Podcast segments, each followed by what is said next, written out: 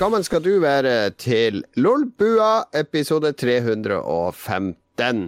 Eh, denne gang med Jon Cato i fører der fyrer-setet som vanlig, sammen med Lars. Hallo. Det er ikke lov å si der fyrer-setet. Det, det går ikke. Ja, men der fyrer er jo bare fører på tysk. Det er det. Det, er det. det har ingen konnotasjoner til noe som helst. Jeg skjønner ikke hva du hinter om. Ikke heller. Over til Mats. Mats. Ja, Hei. du har vært på Der Schutzenbane i dag. Ja, vært en snartur oppe på trening. Og gefyrt de pistol. Ja. Det er tysk sending i dag, Jeg karer. hadde, jeg hadde fransk på skolen, så jeg stiller veldig dårlig Ah. konseptet her. Uh, L4 le pistol. Kom igjen, litt Hvis fransk, ikke L Mats. på eh, Det Ja, litt fransk, da. jeg vet ikke. Altså, jeg husker jo ingenting. Hva Sett inn heter Sett jeg inn, sett inn cadeau. Det er Ja. en gave. Je m'appelle Mats. Jeg heter Mats. jeg elsker skytevåpen. Hva heter det? Je, je t'aime eh, le eh, pew-pew. Dette er, Hva var det du hadde i Mats eh, Nei, hva var det du hadde i fransk, Mats? Hvilken karakter? Nei, altså hvilken lærer? Sverre Vargheid. Du hadde Sverre Varger, ja, ok, da skjønner jeg. Da skjønner jeg nivået. Han hadde Alt, eh, alt forklares nå. Han hadde jeg jo i fransk, så jeg kan omtrent like mye som det. Ja, det er godt. Uff, uff, uff. Ja, Lars, du hadde tysk på skolen. Si, nei, men uh, jawohl, mein Führer. Men hadde du fire år med tysk? Uh, vielleicht, äh, ich erinnert nicht uh, mein, mein uh, und, en, ut, utdanning. Jeg husker ikke. Eh, Det var, det var tre i tysk her, altså. Hva du fikk, Mats, i fransk? Jeg fikk tre i fransk, men jeg fortjente ikke tre. Ja. Nei, jeg fikk også tre. Det var Det hang i en tynn tråd, for å si det sånn. Solid trergjenger. Ja. Ja, Ja, ja, jeg husker at Sverre Varge, når vi hadde andreåret med fransk, så hadde han en fransk venn på besøk i Harstad som han tok med seg ned på skolen. Fordi jeg tenkte det var jo veldig kult, da kan en franskmann snakke fransk med elevene. Og så gikk han der franskmannen rundt sånn random i klasserommet og bare Plutselig lente han seg mot deg og så bare Altså alle satt som spørsmålstegn, og Sverre Ja, Harald, nå spør han deg hva du hadde på brødskiva i dag tidlig. Og så skulle du svare brunost på fransk. Nei, det var grusom, Det grusomme timer. Ja. Jeg tror også jeg var sjuk, i anførselstegn, på, på fransktentamen. Siste fransktentamen. Jeg skjønte at hvis jeg dukka opp på den, så ville jeg ikke stå i det faget. Du som er lærersønn og greier, det er Ja. Jeg er jo òg lærersønn, og det er, du trenger ikke ha så mye å si, altså. Du trenger ikke det.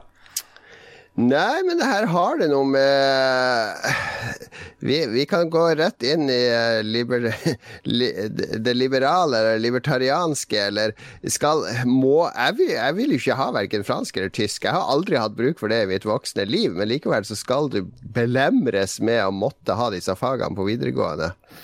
Du har jo hatt bruk for det. det- Du har jo møtt folk fra Tyskland eller Kina. jeg har aldri hatt bruk for fransk. Jeg har aldri prata fransk med en franskmann eller tysk med en tysker. Men det er jo fordi dere Selve... suger i språket, og hadde jeg møtt en tysker Jo, det var ah, ikke-. Det var jo fordi vi ikke ville lære oss fransk. Jeg fikk jo sex i engelsk, og jeg elsker jo engelsk. Ja, Det har jeg jo brukt prater engelsk en folk hele tida. million ganger mer. Wo Helga? Hast du geschutz dem Führer? Vet du hva, jeg møtte, jeg møtte jo en tysker en gang på Majorstua i Oslo på vei hjem fra Blindern.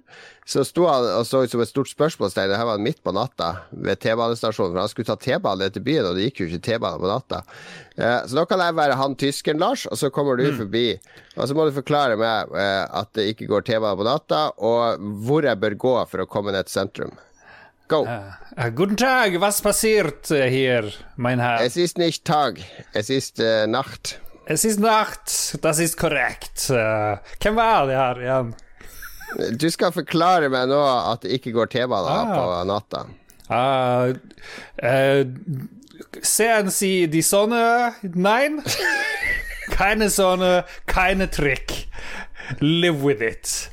Macht Spaß am die Futze. Laufen zu Hause, bitte.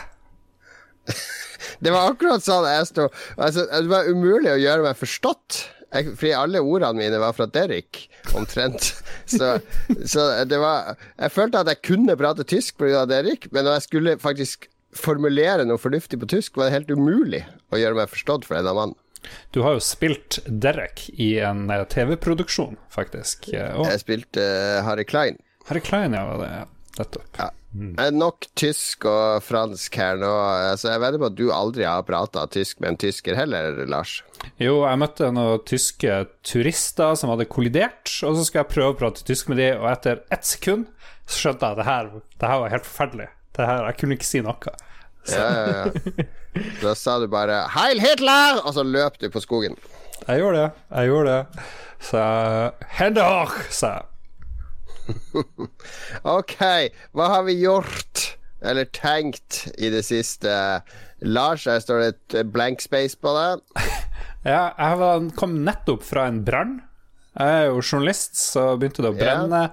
Skulle vi egentlig få ut noen andre, men så måtte jeg fære helt til Rødskjær, kanskje. Ja, og det her skjønner jeg. Det her er jo utafor Harstad kommune, utafor Hinnøya, som er Norges største øy. Det er jo så langt fra i Harstad som du kan komme. Det er jo langt utafor Harstad. Er, jeg vet ikke hvordan det er med kommunegrensa, men det er noe i nærheten av grensa. Men det er på Hinnøya. Jeg for aldri fra Hinnøya. Jeg måtte hver Ja, okay, over jeg trodde det var over Kjelsrudbrua. Nei, det var liksom forbi, eh, ikke over, men liksom videre. Var ute i Gausvika? Når du drar mot Lødningen, liksom. Og Ja, ja, ja, helt der, ja. Så det har skjedd. oss. Er det, er det sånn at, uh, at adrenalinet går, og det er lykkerus når dere får vite at det er en brann på gang? Endelig noe annet enn uh, blackface og, Mm, ja. og uh, en rar ting på torget? Rar potet i Kvæfjord. Det, det begynner å bruse i blodet når det er en stor brann. Ja, så det er det du har gjort i det siste, vært ute og dekket en brann?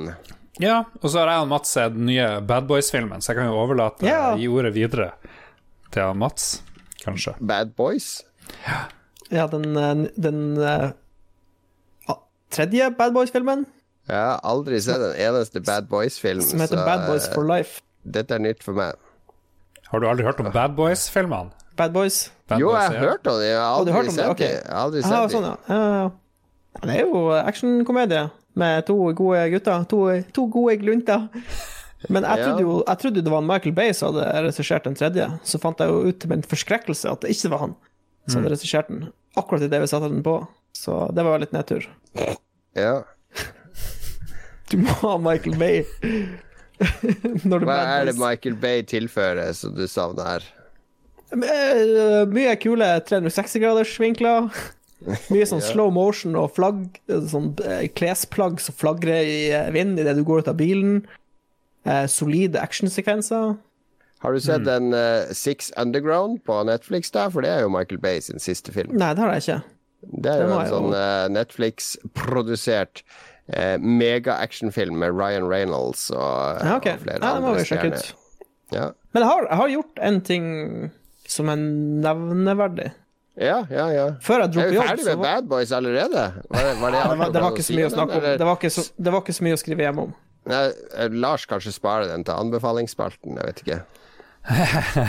Nei, den var ikke så, var ikke så bra. Det var en liten skuffelse, for jeg hørte at Er det folk verdt i å se de to for, Jeg mener jo at, uh, at filmkategorier, når man setter sammen, f.eks. at det er en dramakomedie eller en uh, action-horror Action-komedie er liksom det som tiltaler meg minst. For det skal man eh, fistbumpe Woohoo! For det er så kul action, og le samtidig. Og det er to sånne ting jeg syns er veldig flaut å gjøre. Jeg syns du bør se Bad Boys 2. Det er jo det er ganske peak eh, Michael Bay, altså. Det er mye bra der.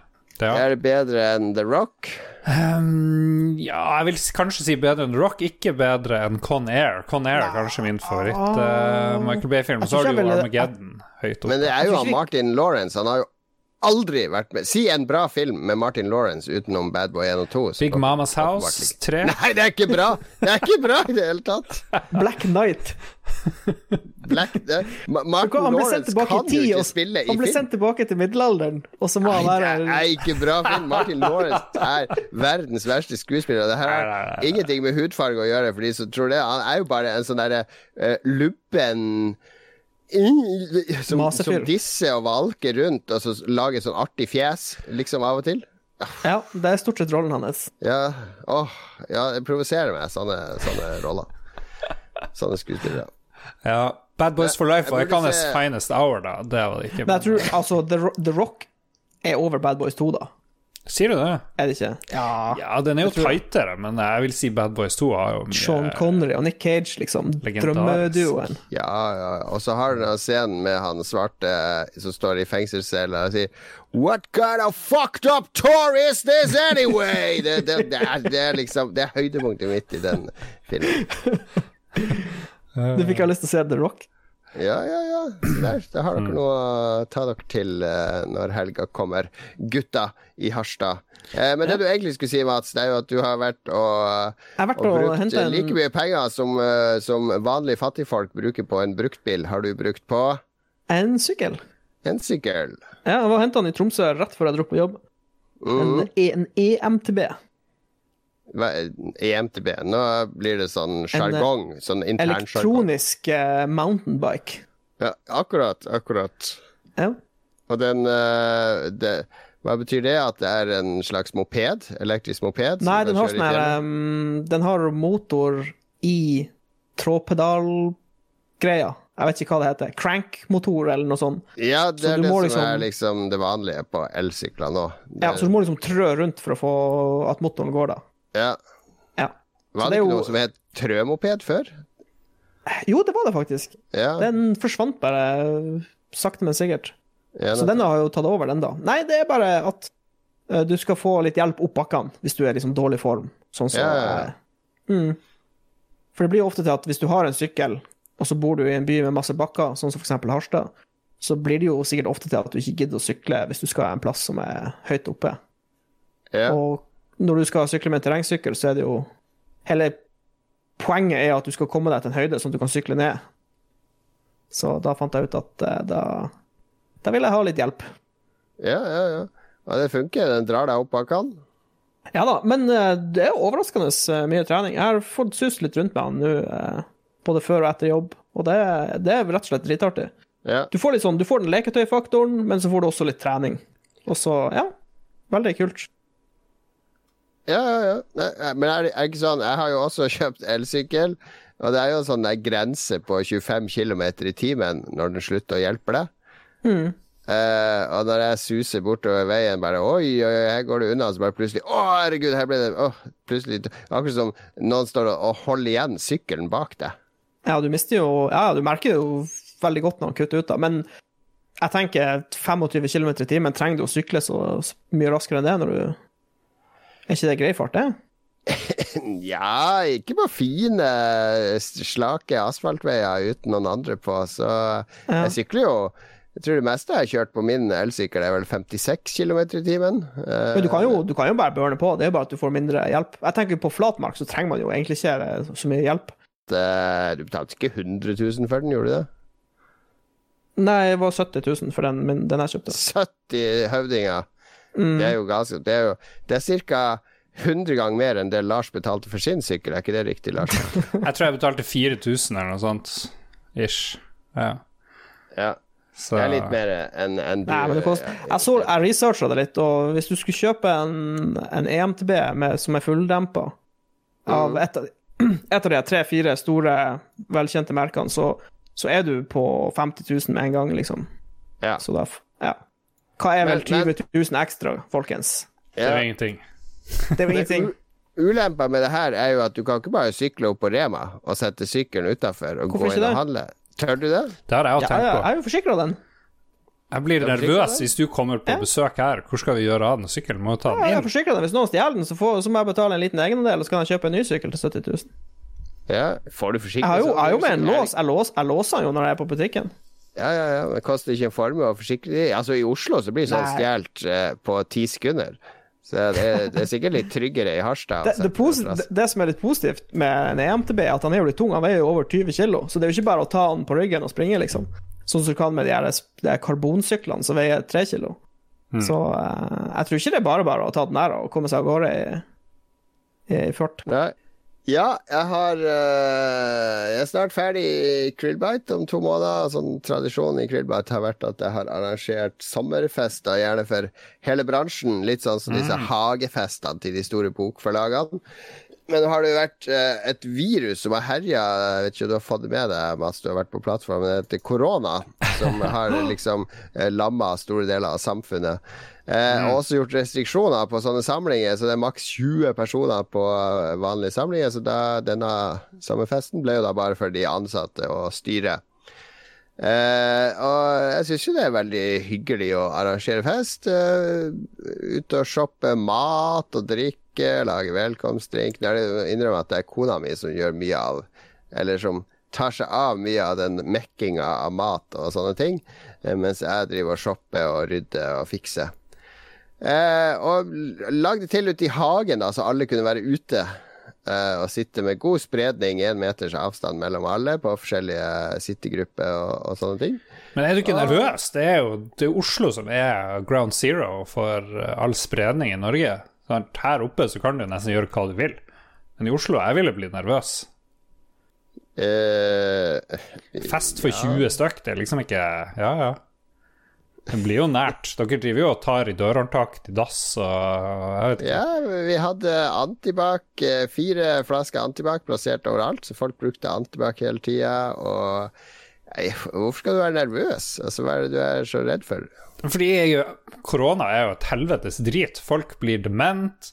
Det er liksom, du, hver dag så er det nye forferdelige ting med alle som får litt sånn mer enn sånn snufsete nese. Det er, hvis du får korona litt sånn heftig, så bare, så bare blir du helt Du blir bare en zombie. Det er det er mitt inntrykk.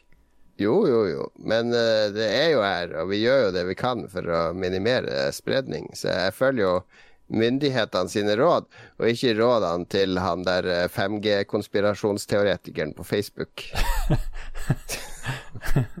Ja. Som har fått hjerneråte etter at svigersøstera hadde korona.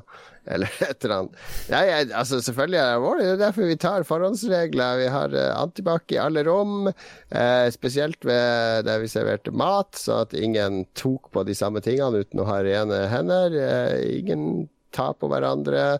En meters avstand mellom alle. Eh, så ja, man blir jo nervøs, men det er jo ikke noe verre enn at dere er Hvor mange er dere på jobb samtidig, Lars? I dag var vi vel fire-fem maks innom. Ja, og dere bruker vel samme kran og toalett og Alle har hvert sitt toalett. Nei da, de har jo ikke det. nei, nei, men det er jo det samme der. Altså, dere burde jo ikke være på jobb hvis man er så redd for det.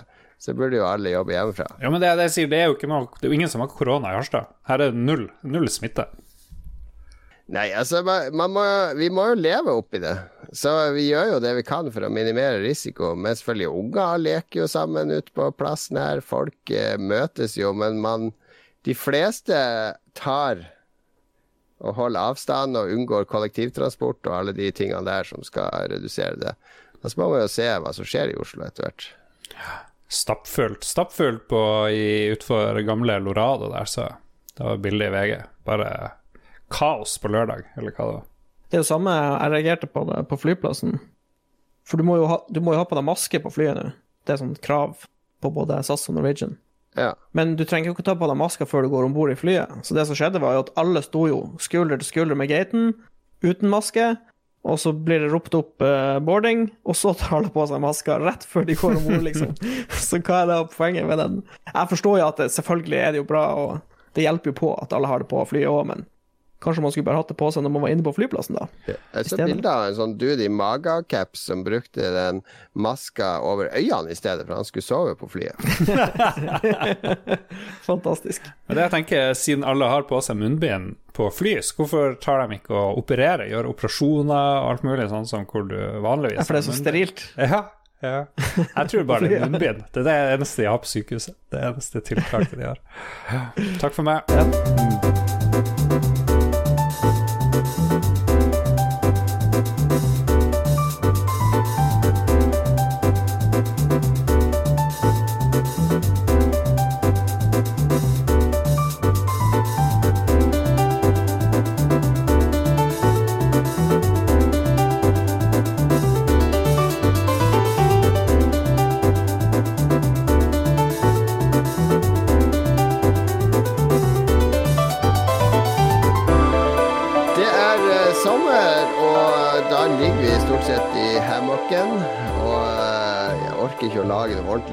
Så vi bare sendte ut en sånn der freeball til lytterne og sa Give us what you have. Hva skal vi snakke om? Er det du sendte ut. Og i god tid denne gangen, Lars. Det var veldig bra. Ja, det var, var litt uvanlig. Det var det. Uh, og da fikk vi inn en del innspill, så vi tar lytterspalten nå. Så tidlig i programmet. Går litt i dybden på hva lytterne vil ha. Det betyr jo at jeg slipper å grue meg til avslutninga, at lytterspalten kommer sist. Dette er jo genialt. Det er jo som uh, uh, å spise den vonde delen av middagen først, ikke sant? så at du kan kose deg med resten. Spise de ekle grønnsakene med en gang, så man kan kose seg med kjøttet. Få inn brokkolien først, og så kan du kose deg med Få inn brokkolien. Vi hadde forresten brokkolisalat på sommerfesten. Det var ikke så verst. Ikke så verst. vet du hva, brokkoli har vokst på meg. Bokstavelig ja. talt. Nei, jeg hata brokkoli før, men nå har jeg nesten spist det hver dag på jobb. Og nå, vet du hva, det er ikke så verst. Det blir en brokkolimann. Ja. Brokkoli er helt topp. Skjønner ikke hva mm. problemet er med brokkoli. Det var så sterk smak, det var det som var problemet mitt. Det smakte så mye. sterk smak, ja. Så mye, det var så mye. Vanligvis så er grønnsaker ganske nøytrale i smaken. Ja. Men brokkoli har litt sånn punch. Nei, den har det aldri hatt så mye. Altså, rosenkål, der har du grønnsak som ja, okay, har punch i smaken. Ja. Ikke få meg starta på rosenkål, folkens. Ja, og den er, den er en acquired taste. Det tok meg lang tid. Nå elsker jeg rosenkål, men da må mm. du ha riktig saus og poteter og sånn til. Da blir rosenkål veldig Og kalkun. Ja, kalkun og rosenkål. og så stiller du deg i rosenkåldebatten, Lars. Jeg er veldig positiv. Bestandig likt rosenkål. Jeg syns det er ja. litt sånn artig. Fordi jeg tror det, det er jo sannsynligvis vi... den grønnsaken som har det fineste navnet også. Ja. Du fikk den ja. med filetto à la crema på Mamma Rosa på Egertorget når du Stilte biff.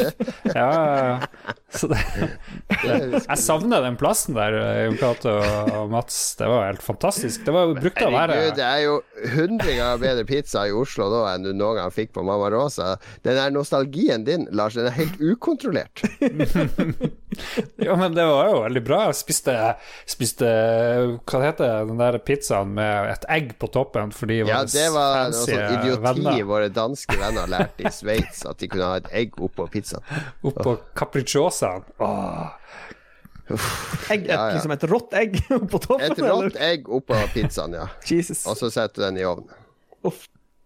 Ja, det var sånn sveitsisk Jeg husker der, jeg ble jo helt flau når jeg var der på Mamma Rosa med de De skulle, for, skulle overbevise han kelneren om Jo, jo, må bare ta et egg oppå, og han bare sto og himla med øynene.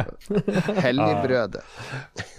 Vår Oslo-rutine var jo stort sett bare å gå på Burger King eller McDonald's, men noen ganger så, så Flotta vi oss ja. på Rosa Oi, oi, oi. Men så mista de skjenkebevillinga, og så gikk det ad undas. Ja, så ble funnet eh, vaskehjelp, og kona hans ble funnet død på dass der og sånn. Så. What? Hva som har skjedd på den plassen? det var, var mye, mye som skjedde der, tror jeg, i kulissene. Men ja, rosenkål er bra. Er det en jødisk grønnsak, tror du? Rosenkrantz? Rosenkål? Er, uh, omskjært. Omskjært kål. Hmm. Omskjært kål. ok. Vi, eh, vi, skal gå til hva lytterne har å bidra med. Det var ikke noe rosenkål-spørsmål, dessverre. Skjerpings. Eh, Håkon Puntervold, som er hatintenst. En forbannede idiot. Han kasta akkurat en granat på meg i Lootcord. Fytti ah. grisen. Han er med i Nordic Ma... Ja, ok, vi skal snakke mer om Lootcord senere, vi sparer det. Men Håkon Puntervold, ikke en kjernekar. Jeg vet at du elsker han, Lars. Mm, ja da. Vi har, eh, vi har hatt det koselig på byen ute i Oslo i fylla. Ja, det er bra. Eh, han sier Street Fighter versus Tekken. Ikke spille, altså, men diskuter hvilket som er best, og hvorfor. Smilefjes. Oi, oi, oi. Um, ja, sånn serien Egentlig så burde jo her være en sånn versus-spalte. Hva, hva, har solgt mest av Street Fighter og Tekken? Jeg tipper Street Fighter har solgt mye mer enn Tekken, ja. bare fordi det kom mye før og har vart like lenge, minst, osv. Og, så og kreden er jo helt klart i Street Fighter sin, sitt hjørne. Street Fighter uh, Turbo International 2, hva nå enn de heter. Super Street Fighter 2 er vel en av de her uh, Alfa uh, Ja, det finnes så mange 2. versjoner der, men ja.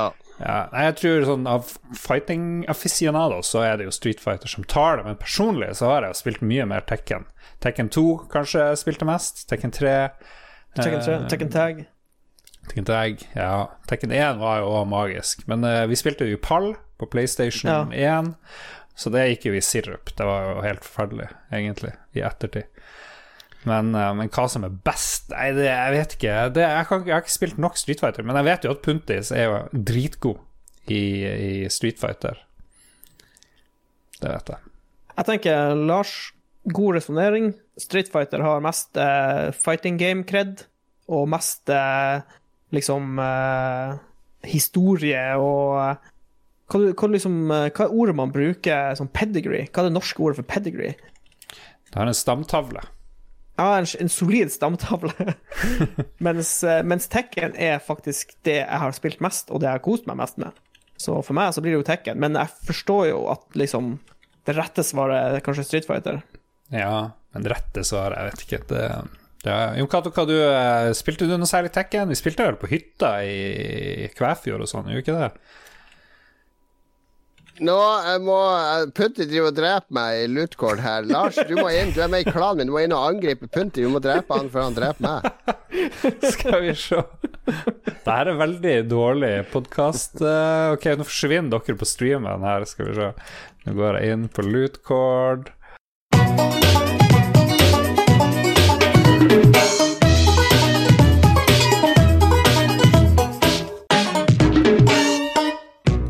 Ok, vi får tilbake til sendinga. Tekken for det første, altså det, Dette er veldig enkelt å svare på, fordi Street Fighter var slåssspillet som oppfant det moderne slåssspillet. Altså der du har karakterer med ulike krefter. Eh, altså asymmetriske karakterer som slåss mot hverandre, så du må mestre karakterene. Og også eh, mestre hvem du slåss mot. Eh, kontre spesialangrepene til de ulike. Så Street Fighter var så banebrytende. altså Street Fighter 2 da var så banebrytende når det kom, så det er liksom pappaen til de moderne slåssespillene. Eh, og så har du 3D-slåssespillene, og der er det Virtua Fighter som liksom skapte den sjangeren, og de eh, eh, definerte hvordan man skulle spille slåssespill i 3D. Så Tekken er bare eh, en sånn rip-off av andre slåssespill. Det har ikke definert noe sjøl. Det var liksom det harrige, tilgjengelige eh, enkle slåssespillet, som de som ikke klarte å fordype seg i Virtua Fighter eller Street Fighter, valgte, for det kunne du bare button mashe med King eller Law eller Eddie etter hvert gud forbi. Eh, og så kunne du briljere eh, rundt omkring, og så var det eksplosivt og kult, og det var liksom om Michael Bay skulle lage et slåssespill, mens de andre var eh, mer Det, det, eh, kuleste jeg har glemt av Det, det spillet jeg har likt mest av alle, er jo Soul Calibur. For da har du sverd og sånn. Og våpen. Yeah. Det er konge. Jeg klarte å skade Punti. Han har bare 24 liv igjen, tror jeg. Bare 24 av 25. Ja, ja. Ok, jeg er tilbake. Hva har vi snakket om? Vi er, vi er akkurat eh, ferdig med Vi er ferdig med Street Fighter versus Tekken. Okay. Kom vi frem til hva som var best? Street Fighter. Jeg sier Tekken siden Punti er en asshole. Du tar skikkelig personlig, akkurat som meg. Huh. Ok. Ja, nå må vi konsentrere oss om sendinga her. Vi, går videre. Vi har fått inn en kommentar fra eh, Norvegicus Galeicus Delirius. Så nevner Jeg må innrømme, jeg forstår ikke kommentarene hans helt, men han nevner i hvert fall nye Borderlands 3-delscenen og Flashlight-fadesen. Oi, oi, oi, nå døde Jon Cato. Nå døde Jon Cato, beklager. Vi må jo bare ta det med. Skal vi ha minnestunden på Lootcord? For, eh, men når du dør på Lootcord, er du død da? Eller kan du komme Nei, tilbake du igjen? får eh, Nei, du beholder XP og level og sånn, men du mister items og penger. Ok, Så nå starter du med knyttnevene, liksom? Ja. Men er det noen av dere som forstår, som har fulgt med på det her Borderlands 3-DLC-greien? Nei, jeg prøvde å spille Borderlands 3 sammen med vår venn Frank, men jeg syns det var så kjedelig. Altså, jeg, jeg skjønner ikke le- appellen med det. Jeg har aldri skjønt helt appellen med Borderlands. Ja, Borderlands er litt Altså, problemet til Borderlands er at det er så, det er så seigt i starten, eh, når du har nesten ingen abilities og sånn talentpoeng og dårlige våpen. Og så blir det litt kulere når du finner et våpen som er bra, og du får satt ut litt poeng, og fyren din blir litt rå. Da er Borderlands litt morsomt. Men det tar jo ti timer før det skjer. Ja. Så det er liksom de, de må rampe opp i starten mer, sånn at det blir litt kulere tidligere, rett og slett. Ja, ja nei, fordi vi spilte i co-op og alt sånt, og det er liksom Det er ingenting av den eh, action jeg føler i Destiny, eller i uh, den derre grinden som jeg føler i Diablo eller Path of Exile, der du hele tida føler at du får mer og mer power. Uh, det var Ja. bare sånn Og et nytt fislevåpen. Et nytt dritvåpen. Uh, Ja, det er mye dårlige våpen i Wardlands. det er det som er ja. bummer. Hva er vitsen med å ha 100 milliarder våpen når 99 milliarder av de er uh, helt verdiløse, liksom? Det Ja, nei, jeg er veldig enig, inflasjon. Ren inflasjon. Nei, så vi har ikke så mye å si om den, Norvegicus. Kanskje Men det er bedre våpen i den. Kanskje vi kan, Hvis det er kule våpen, så kan vi, kan Ja. vi glede oss.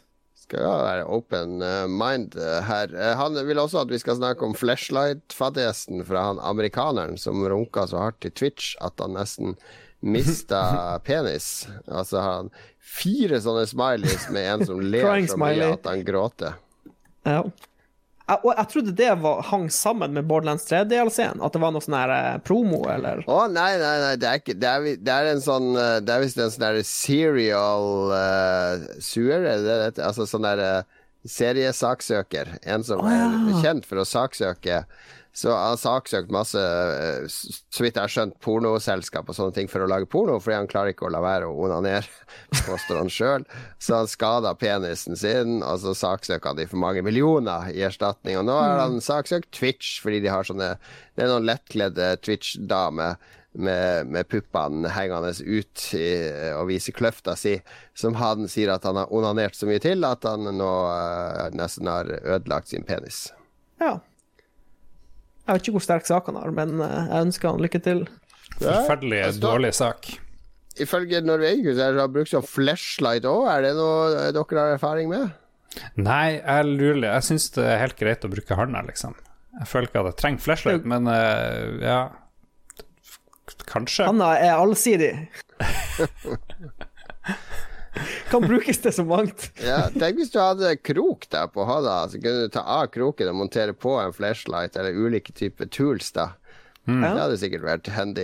Det hadde vært ganske vanskelig. Jeg tror ikke jeg hadde, klar, jeg tror ikke jeg hadde klart å onanere med en krok.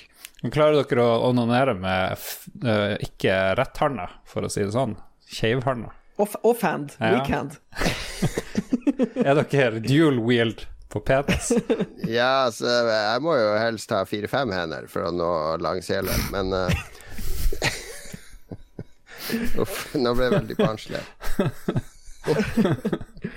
Hilsen Lolbua, ti år. Ja, ja, ja. Jeg, eh, da jeg var ung, husker jeg man, man utforska når masturbasjon var nytt og spennende, og noe som helst skulle gjøres eh, minst to ganger om dagen. Så husker jeg leste som tips om at du, hvis du satt på handa di i ti minutter først, så ville den bli så nummen, nervene i hånda, at da, da kjente du ikke at det var din egen hånd. Så, så, så da skulle det virke som at det var noen andre som onanerte deg, ikke sant? fordi du ikke merka at det er din hånd. Jeg tror det der er mer teori. Fungerte det? Fungerte det?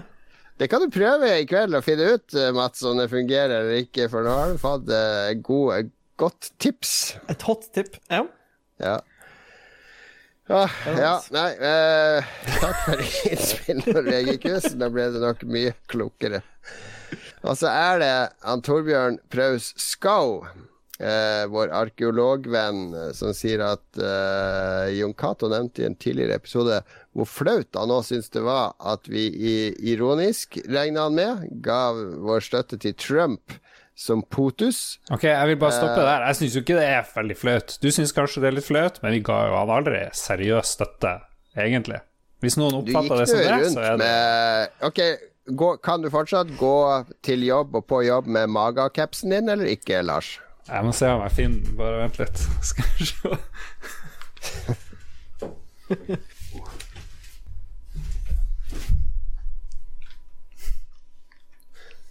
Hallo! Det er jo Det er jo Jeg gidder jo ikke gå rundt med den, det gjorde jeg jo ikke da heller, for å si det sånn. Ja, men, Du har den på innendørs. Jeg husker at du hadde den på deg på jobb når det var valg. Ja, jo, jeg hadde den vel med på jobb. Nettopp. Kunne du hatt den med deg på jobb og gått med den på jobb nå? Nei, det er kanskje tvilsomt. Det er mm. kanskje tvilsomt. Det, er jo, det ble jo ikke så gøy, da. Vi trodde jo ikke han skulle vinne. Jeg trodde jo aldri han skulle vinne. Nei. Jeg vedda jo masse penger med deg, Jon Cato. Jeg trodde jo ikke han Jeg, hadde jeg har jo profitert vilt på Trump. Jeg tapte sånn 1500 kroner, hvor mye var det jeg tapte? Noen sånne helt syke fikk, jeg ga dere tre til én i odds, da, så jeg satsa 500, og, og så skulle jeg da få det tredobbelt på at Trump vant, og så skulle du, dere betale det tredobbelte tilbake hvis eh, Dere, det var jo bare jeg som var dum nok til å gå med på Så Så han vant. Men du, det som jeg syns var flaut, var jo at vi Altså, vi er jo teite og ironiske. Vi er jo av ironigenerasjon, så her, allerede her er det jo, kan det jo være en konflikt med de som kommer etter oss, som er, kalles for generasjon seriøs. Og vi, vi hadde jo sånn fast spalte om Trump, og det var så gøy, det realityshowet han gjorde, og bare tulla, og tingene han sa, og alt sånn. Og han gjør jo stort sett det samme nå, bare at nå er det ikke så gøy lenger. Nei, han var jo litt mer sjarmerende da, men uh, jeg vet ikke. Nei, var, jeg husker den der kvelden. Jeg fulgte jo med valget live, og så skjønte jeg etter hvert at han kom til å vinne. Og noe av det sureste var jo at jeg tapte 1500 kroner til deg. Men jeg skjønte jo at verden kommer jo ikke til å bli et bra, en bra plass. Jeg syns det var utrolig trist. Jeg bare Tenk at halve, omtrent halve USAs befolkning som stemte, stemte på Trump, liksom. Han fikk jo ikke flertall av stemmene, men han vant likevel. Og jeg, fikk så, jeg var så deprimert, og jeg bare hata det. Så vi driver Vi drev jo ikke og støtta han, egentlig. Men eh, Ja, men hva om det var en eh, med norsk og amerikansk statsborgerskap som hørte på Lolbua og syntes det var så artig at vi snakket så mye om Trump, at han stemte på Trump fordi han følte at du oppfordra han til det? det må han ta på sin kappe. Jeg føler ikke at det Så du tar null ansvar for det? Selvfølgelig. Jeg vet jo, det er mange som har sagt det er min skyld, blant annet, at Trump ble valgt. Og det er greit å få dem igjen. Jeg er uenig. Uenig i det. Jeg synes, altså det er noe annet med Per-Willy, da. Han ringer jo du gjerne og har med. Ja, det var jo det andre delen av spørsmålet. Hva, hva med Per-Willy, og at vi drar han med? Jeg tenker jo at det dummeste man kan gjøre, det er å ikke prate med folk man er uenig med. Jeg syns jo man skal ha dialog. Så lenge du begynner å bare ser på de andre som du er enig med, som en karakter, og nekter å prate med dem, og ikke har noe dialog, så kommer du ingen vei. Da sitter folk bare og sperrer seg inn i hver sin boble. Så jeg syns det er helt topp. Jeg syns man burde dra med sine meningsmotstandere i mye mer enn man gjør i dag. Så kanskje de kan lære noe, og kanskje vi kan lære noe, og alt det der der. For ellers så sitter man bare på hver sin tue og snakker forbi hverandre. Det, det er Så enkelt er det for meg, da. Så du er ikke fan av den teorien at man ikke skal gi disse stemmene en plattform, som man kan jo si at du gjør hvis du ringer han og tar han med? Jeg vet ikke. Litt av problemet i USA du ringte til eh, Tore Tvedt? Eh, Jeg vet ikke helt hvem det er. det er han lederen for uh, Stopp eh, Folkebevegelse mot innvandring. Altså mye mer uttalt rasist og white power-dude i Norge enn Jeg kunne sikkert ringt han, men jeg vet ikke hva jeg ville sagt. Det kan hende det gikk helt forferdelig. Men uh, Jo, jeg, ringt han og tatt han med i Lolbua, og dermed gitt han en mulighet til å spre sitt budskap, er jo det det her handler om, det som Torbjørn spør om. ja, ja. Nei, det, hvis jeg skal følge prinsippet, så må jeg jo si ja. Men liksom, hvis folk forfekter kriminelle ting, eller rent rasisme, eller sånne ting, så syns jeg jo ikke man skal kanskje gi det en plattform. Men det vi prata med Per-Willy om, det var jo bruk av samiske flagg på nasjonaldagen på 17. mai, hvor vi spurte hva er galt med det, hvorfor er han mot det? Og så kunne jeg si hvorfor jeg hadde lyst til å flagge eh, med Ja. kjæresten min sitt flagg. Og jeg tenker det var jo uh, vi, vi ble jo enige om at eh, det var kanskje ikke det aller verste. Ikke vi her, ikke vi her, fordi jeg fikk jo ikke være med i denne samtalen. For du hadde den privat på telefon, så jeg kunne bare lytte. Men gjør vi noe i Lolbua for å gjøre verden bedre, eller bare sitter vi og, og drikker oss full og ler mens den brenner rundt oss, og kaster litt bensin på bålet? Lars, jeg er ikke meningen å sette deg i uh, Ja, Ja, ja, ja. her, men uh, tar, vi, tar vi samfunnsansvar? Er vi uh, vårt ansvar bevisst som en plattform med flere tusen lyttere? Ja, vil jeg si. Jeg prøver jo å forklare hvorfor vi bør inkludere flere stemmer. Og nå på her om, om ikke så mange dager så skal vi ha stream for pride-bevegelsen. Og kommer sikkert til å gjøre noe bra. Samle inn en del penger til en god sak der, og det har vi jo gjort før. Du har jo samla inn penger til uh, uh, hva heter det, covid-19-saken med dine dine. DJ-sett. Og vi har prøvd å få dialog med Gamergate og høre hva de tenker. Og I stedet for å bare dømme, sitte her alene og liksom prate og slenge drit, så prøver vi å inkludere folk som vi er litt uenige med, og det syns jeg er mye mer fornuftig. Litt sånn som Trygdekontoret, det er det de heter. Hvor man liksom prøver å eh, komme litt videre, da. Ikke bare snakke om folk, men snakke med folk. Og det tror jeg er lurt. Godt sagt, Lars. Helt Godt enig. sagt. Men at jeg skal sitte her med Trump-caps, det er jo litt tvilsomt. Jeg vet ikke hvilket Ja, ja, ja. signal det sender. Men Nei, altså, jeg har allerede tipsa Harstad-Tine om at i Harstads nyhetsredaktør fronter Trump-caps live på internett. Ja. Så nå er du på forsida av Harstad-Tine i morgen. Takk, takk, takk, takk. Dette var en elaborat felle! Fra Entrapment. Bare ta den av deg hvis du føler deg. Du Jeg har jo en Trump, eh, en Make America Great Again-lue på fjellhytta.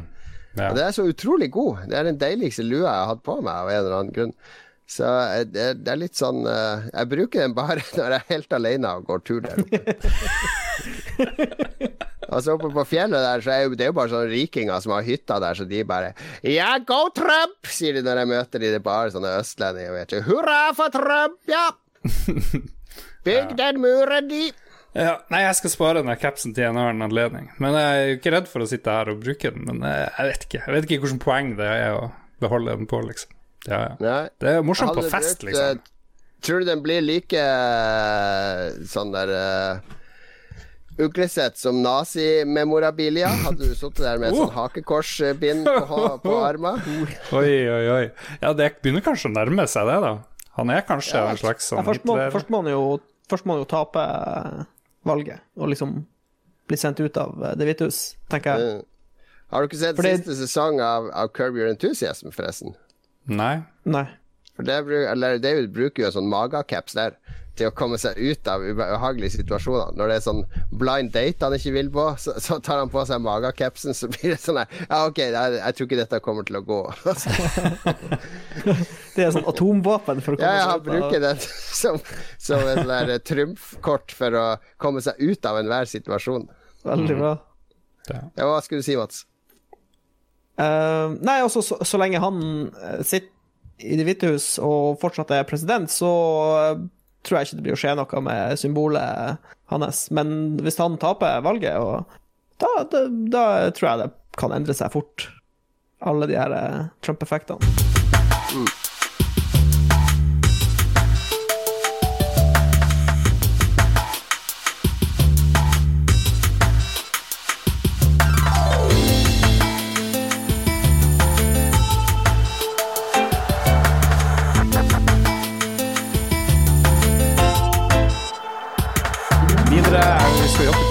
Steffen Aspestrand Lorentzen. Har han sendt oss spørsmål før? Aspestrand, er det et ekte navn?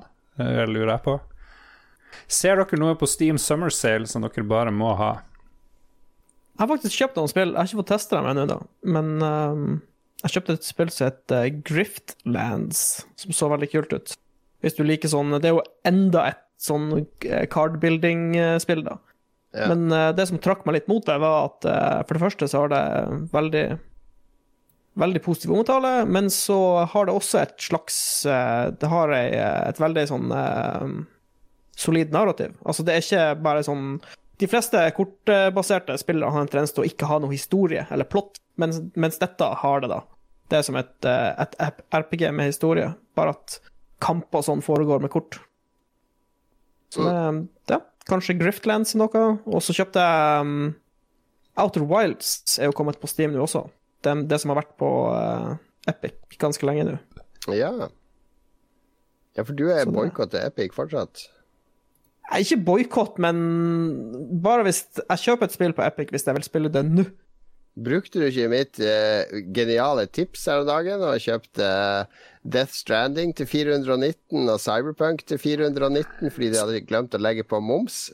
Nei, altså Cyberpunk eh, 2077 kjøpte jeg den dagen det kom på Steam. Altså Ah. for lenge, lenge, lenge siden. Ja, ja, Fordi ja. eh, i, bare i tilfelle det skjedde en sånn Metro Exodus-greie, at uh, det ble fjernet fra Steam, så fikk alle beholde det som hadde kjøpt det. I stedet så fikk jeg for to tredjedeler av prisen på Epic. Ja, prisen er ikke så nøye for meg. Det er mest bare beleilighet som er mitt Men bruker du ikke God Galaxy? Nei, men Jo, jeg har testa det, men eh, det, det er jo lettere hvis jeg bare kan starte én klient, og så har jeg den, og så er alt der, og så er det greit. Men Go Galaxy er faktisk veldig bra. Det er løsninga på problemet, da. Ja. For, det, for det er noen ganger jeg tenker sånn Vent litt, hvor er det egentlig jeg har det spillet? Og ja, hva har jeg tilgang til, på en måte? Så da kommer jo det inn og fikser, fikser det problemet. Ja, for det er, det er litt uh, Også hvis du har GamePass nå, så er det eh, Jeg har faktisk eh, kjøpt et spill en gang som jeg kunne spilt gratis via GamePass, som jeg abonnerer på. Så det å ha Jeg mangler en sånn ordentlig oversikt over de. Altså, jeg er ikke noe imot at det er forskjellige tjenester, men eh, Nei, nei, ikke heller. Ikke jeg jeg sliter med å ha oversikt. Og jeg driter Det- jo i om jeg har et spill på Steam eller et annet sted. Eh, Ja, eller Origin har- eller ja, Ja. whatever. For, for det, er, det er mange. Det er mange, Ja. det er mange applikasjon, spilleapplikasjoner. Du kommer ikke utenom det. Å ha en som samler alle, er jo en fantastisk idé. Ja, og så kan jeg, En siste ting før vi forlater Steam Summer Sale. Er, det er kommet ganske mange Electronic Arts-spill på Steam nå. Og Titanfall er nå tilgjengelig på Steam. Så hvis du ikke har spilt Titanfall, så er jo dette Titanfall 2, altså. Øh, Beklager, ja. Titanfall 2. Ja. Så er det jo en gyllen mulighet til å plukke opp det. Det bør absolutt sjekkes ut for de som ikke har spilt. Eh, Det er litt sånn singleplayer fra gamle dager, når singleplayer var artig og spenstig og fokusert, og ikke ti millioner av cutscenes, men bare empowerment i eh, mange timer. Ja. Utrolig fint spill. Fantastisk singleplayer-greie. ja. Kort og, kort, og, kort og fint. Så dere det var noen som ja, Jason Schreier, som vi nevner ofte i Spillrevyen, en uh, journalist, ja vel? Han, Kotaku han sa at de fleste spill er altfor lange, sa han. Ja, men jeg er helt enig. Det, det, eneste, det eneste spillene som har lov til å ha litt lengde, er turn-based eh, RPG-er. De har lov til å ha eh, noen timer. Men skyt, skytespill skal ikke være 50 timer. Men ja, Witcher 3, som mange har brukt veldig mye tid på, f.eks. Kunne vært kortere. Helt enig. Ja. Men det trenger ikke være Altså, Witcher 3 trenger ikke være syv timer. Men Doom burde være syv timer. Men The Witcher 3 Ja. kan være 50 har- timer. Så det går fint. Jeg har ikke noe sterk mening her. Jeg syns spill kan være av forskjellig lengde. Altså, alle som sier sånn her eh, at spill bør være kortere, det er folk som ikke har tid til å spille. Sucks to be you. Altså, det Da Ja, men du du kan, jo, prioritere annerledes. du kan jo synes en film er for lang. Er det ikke legitimt å si at et spill varer for lenge? Sånn som eh, Jo, jeg, ja. Death Stranding. Måtte det være så langt, liksom? Eh, kanskje, jeg vet ikke. Jeg, synes alle, jeg er jo sterke meninger om det her når det gjelder TV-serier. For jeg syns nesten alle TV-serier er for lange. De har for mye dødtid-episoder. Episoder. Eh, Og dette er jo noe som, som også speiles i hva de som jobber med TV-serier sier. Fordi at eh, oi, vi må fylle 12 timer eller 15 timer. Og det er ikke mulig for oss å fylle det med noe som er fokusert og driver historien videre. Så, så produksjonsmetodene og hastigheten gjør at det blir sånn. Eh, og jeg koser meg ikke når, når TV-serier tar sånne pauser og Jeg har ting sånn fillers. Da føler jeg at min tid blir kasta Ja. bort. Men det, jeg har ikke så mye Altså I Death Stranding følte jeg egentlig aldri det, fordi det var hele tida en mystikk og en mestring og noe som lå i horisonten og lokka. Mm. En Last of Us 1 runda jeg jo eh, her om dagen. Jeg syns det kom for mye fiender. Jeg syns de padda Tida ble lang fordi det var altfor mye fiender. Ja. I Last of Us 2 så virker det Om, må du være forsiktig når du snakker om Last of Us 1 her. For det er masse sånn snowflakes som hører på Lolbua som er i harnisk fordi at du kom med en spoiler som var helt irrelevant for noe som helst i spillet. Ja, nei, det gikk vel med at jeg spoila litt av Last of Us 1 i forrige episode, og da trodde en, Hans GM trodde at jeg snakka om Last of Us 2. Så jeg tror det bunna ut i en misforståelse som ble en uh, oppheta debatt i vår uh, entourage. Men ok, ja, ja, det var en digresjon her med spillengde, men jeg syns nå at mange spill varer for lenge. men altså, det har, vi kan vel si at det har ikke noe Altså, spillene kan godt være lang, så lenge det føles eh, altså, Så lenge det ikke føles ut som bare de prøver å gjøre det langt for å være langt, på en måte. At de bare fyller det opp. Fyller opp tida di med tull, liksom. Ja. Nei, det, det er eh, å være åpen for lange og korte opplevelser, akkurat som man må være Nå skulle jeg komme med en sexvits, men jeg slår det fra meg i kjapp vits. Kjapp, Kjapp, kjapt, kjapt. Eh, Håkon Puntervold igjen! Den forbannede Puntervold fra Sørlandet som akkurat drepte meg i Lutgård. Han, eh, nok en gang skal han eh, Bare han tror vi er. Noe sånn der eh, apekatt eh, og en lirekasse som bare skal danse og underholde han. Hæ? Hva har Puntervold noen gang gjort for Lolbua, bortsett fra å drepe meg i Lutgård? Er han Patrion, for eksempel? For, forresten? Jeg håper det. Hvis ikke han er ja. Patrion, så har han trøbbel. Hvis, hvis du er Patrion, så beklager alt jeg sa, Håkon. Eh, kan vi forklare hvorfor folk i butikk skal hamre så forbanna hardt på tastaturet bak disken? Kunne jo like greit gi de en hammer så de kan slå de stakkars tastene med. Ikke minst tab-knappen, den får kjørt seg. Hvorfor gjør de det? Er det noe kult med det? Tror de PC-en reagerer kjappere? Personlig syns jeg det bare ser ekstremt dumt ut. Butikker ofte ser dette på, er Elkjøp og Power. Nå er jeg veldig lite i butikker. Jeg er matbutikker stort sett, og der hamrer de ikke, syns jeg. Men jeg skanner de jo bare. Ja. Ja, Der skanner de sånn skikkelig aggressivt. Ja, ja. Hmm. Har dere opplevd Nei. hard hamring? Ja, Jeg må innrømme at jeg jeg, kjenner meg jeg, har ikke, jeg har ikke tenkt på det, men når han sier det, jo, kanskje det er en litt sånn unødvendig hard tasting på de her stakkars Men har du sett de data Altså det, det butikkdatasoftwaren de bruker på Elkjøp og sånn, det er jo DOS. ja, Det er jo sånn MS-DOS. Ja. ja, ja. ja. Det er sånne DOS-vinduer og masse koder, skal du bytte mellom greier. Og så står de og hamrer løs på det. Jeg tror, fordi Elkjøp og Ekspert, de har jo eh, det er ikke sånn at du går og søker jobb på Elkjøp, og så bare får du det slipset og den blå skjorta. Så bare her, eh, kan du noe om TV? Ja, litt. Ja, bare, vær så god, bare gå og selg TV. Du må jo på kurs, ikke sant. Du får salgskurs, du får kurs fra de forskjellige som leverer merker. Får kurs i hva du skal fokusere på å selge, og hvordan du skal selge, ikke minst. Så det er jo det Elkjøp har vært veldig flink på. Salgsopplæring. Og jeg tror en del av dette er at de skal hamre på tastaturet, fordi det utstråler autoritet og selvsikkerhet. Ja, du skal ha den TV-en, ja! Men han vet akkurat hva han gjør, ikke sant? Smekker løs.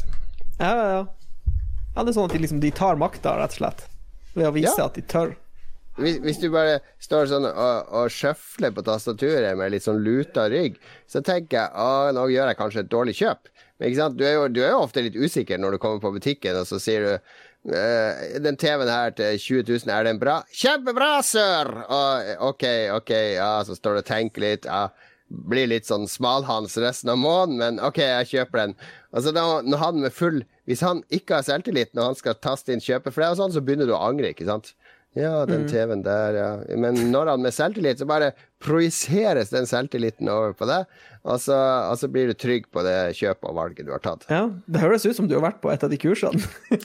Ja, vi, de prøvde seg på sånne kurs i Akersmik. De prøvde seg til og med med at vi skulle gå med sånn Akersmik-uniform og sånn, men det folk eh, den, De uniformene fikk Satte ned kjørt seg. foten.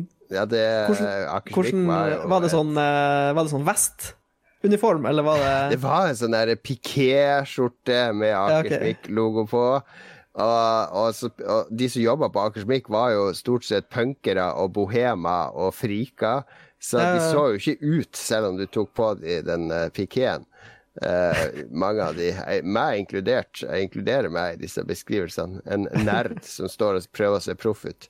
Så nei, de ble ikke så mye brukt, må innrømme det.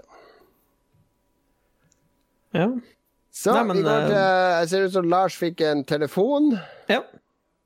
Vi går til Erlend Selvik. Han har stjålet litt fra Red Crew. Det er helt greit, de har sommerferie, så der er det ingen som svarer på spørsmål akkurat nå. De har ikke helt sommerferie, for de er med på vår geniale stream. Charity stream. Lørdag, charity stream, til inntekt for FRI. Vi samler inn penger til en organisasjon som jobber for homofile, transpersoner og alle kjønnsidentiteters rettigheter. Eh, Philip fra eh, Lolbua og o Oda Nei, er det det Oda? heter? Ida. Ida. Ida, ja. Ida fra Red Crew, beklager, Ida. De er i charge for denne streamen, som da er en eh, kollaborasjon mellom Red Crew og Lolbua. Veldig bra. Veldig bra. så eh, de er ikke helt ferie. Men spørsmålet hans er hvor og når er det greit å gå i baris? Ved middagsbordet, i butikken osv.? Jeg tenker stranda. Punktum.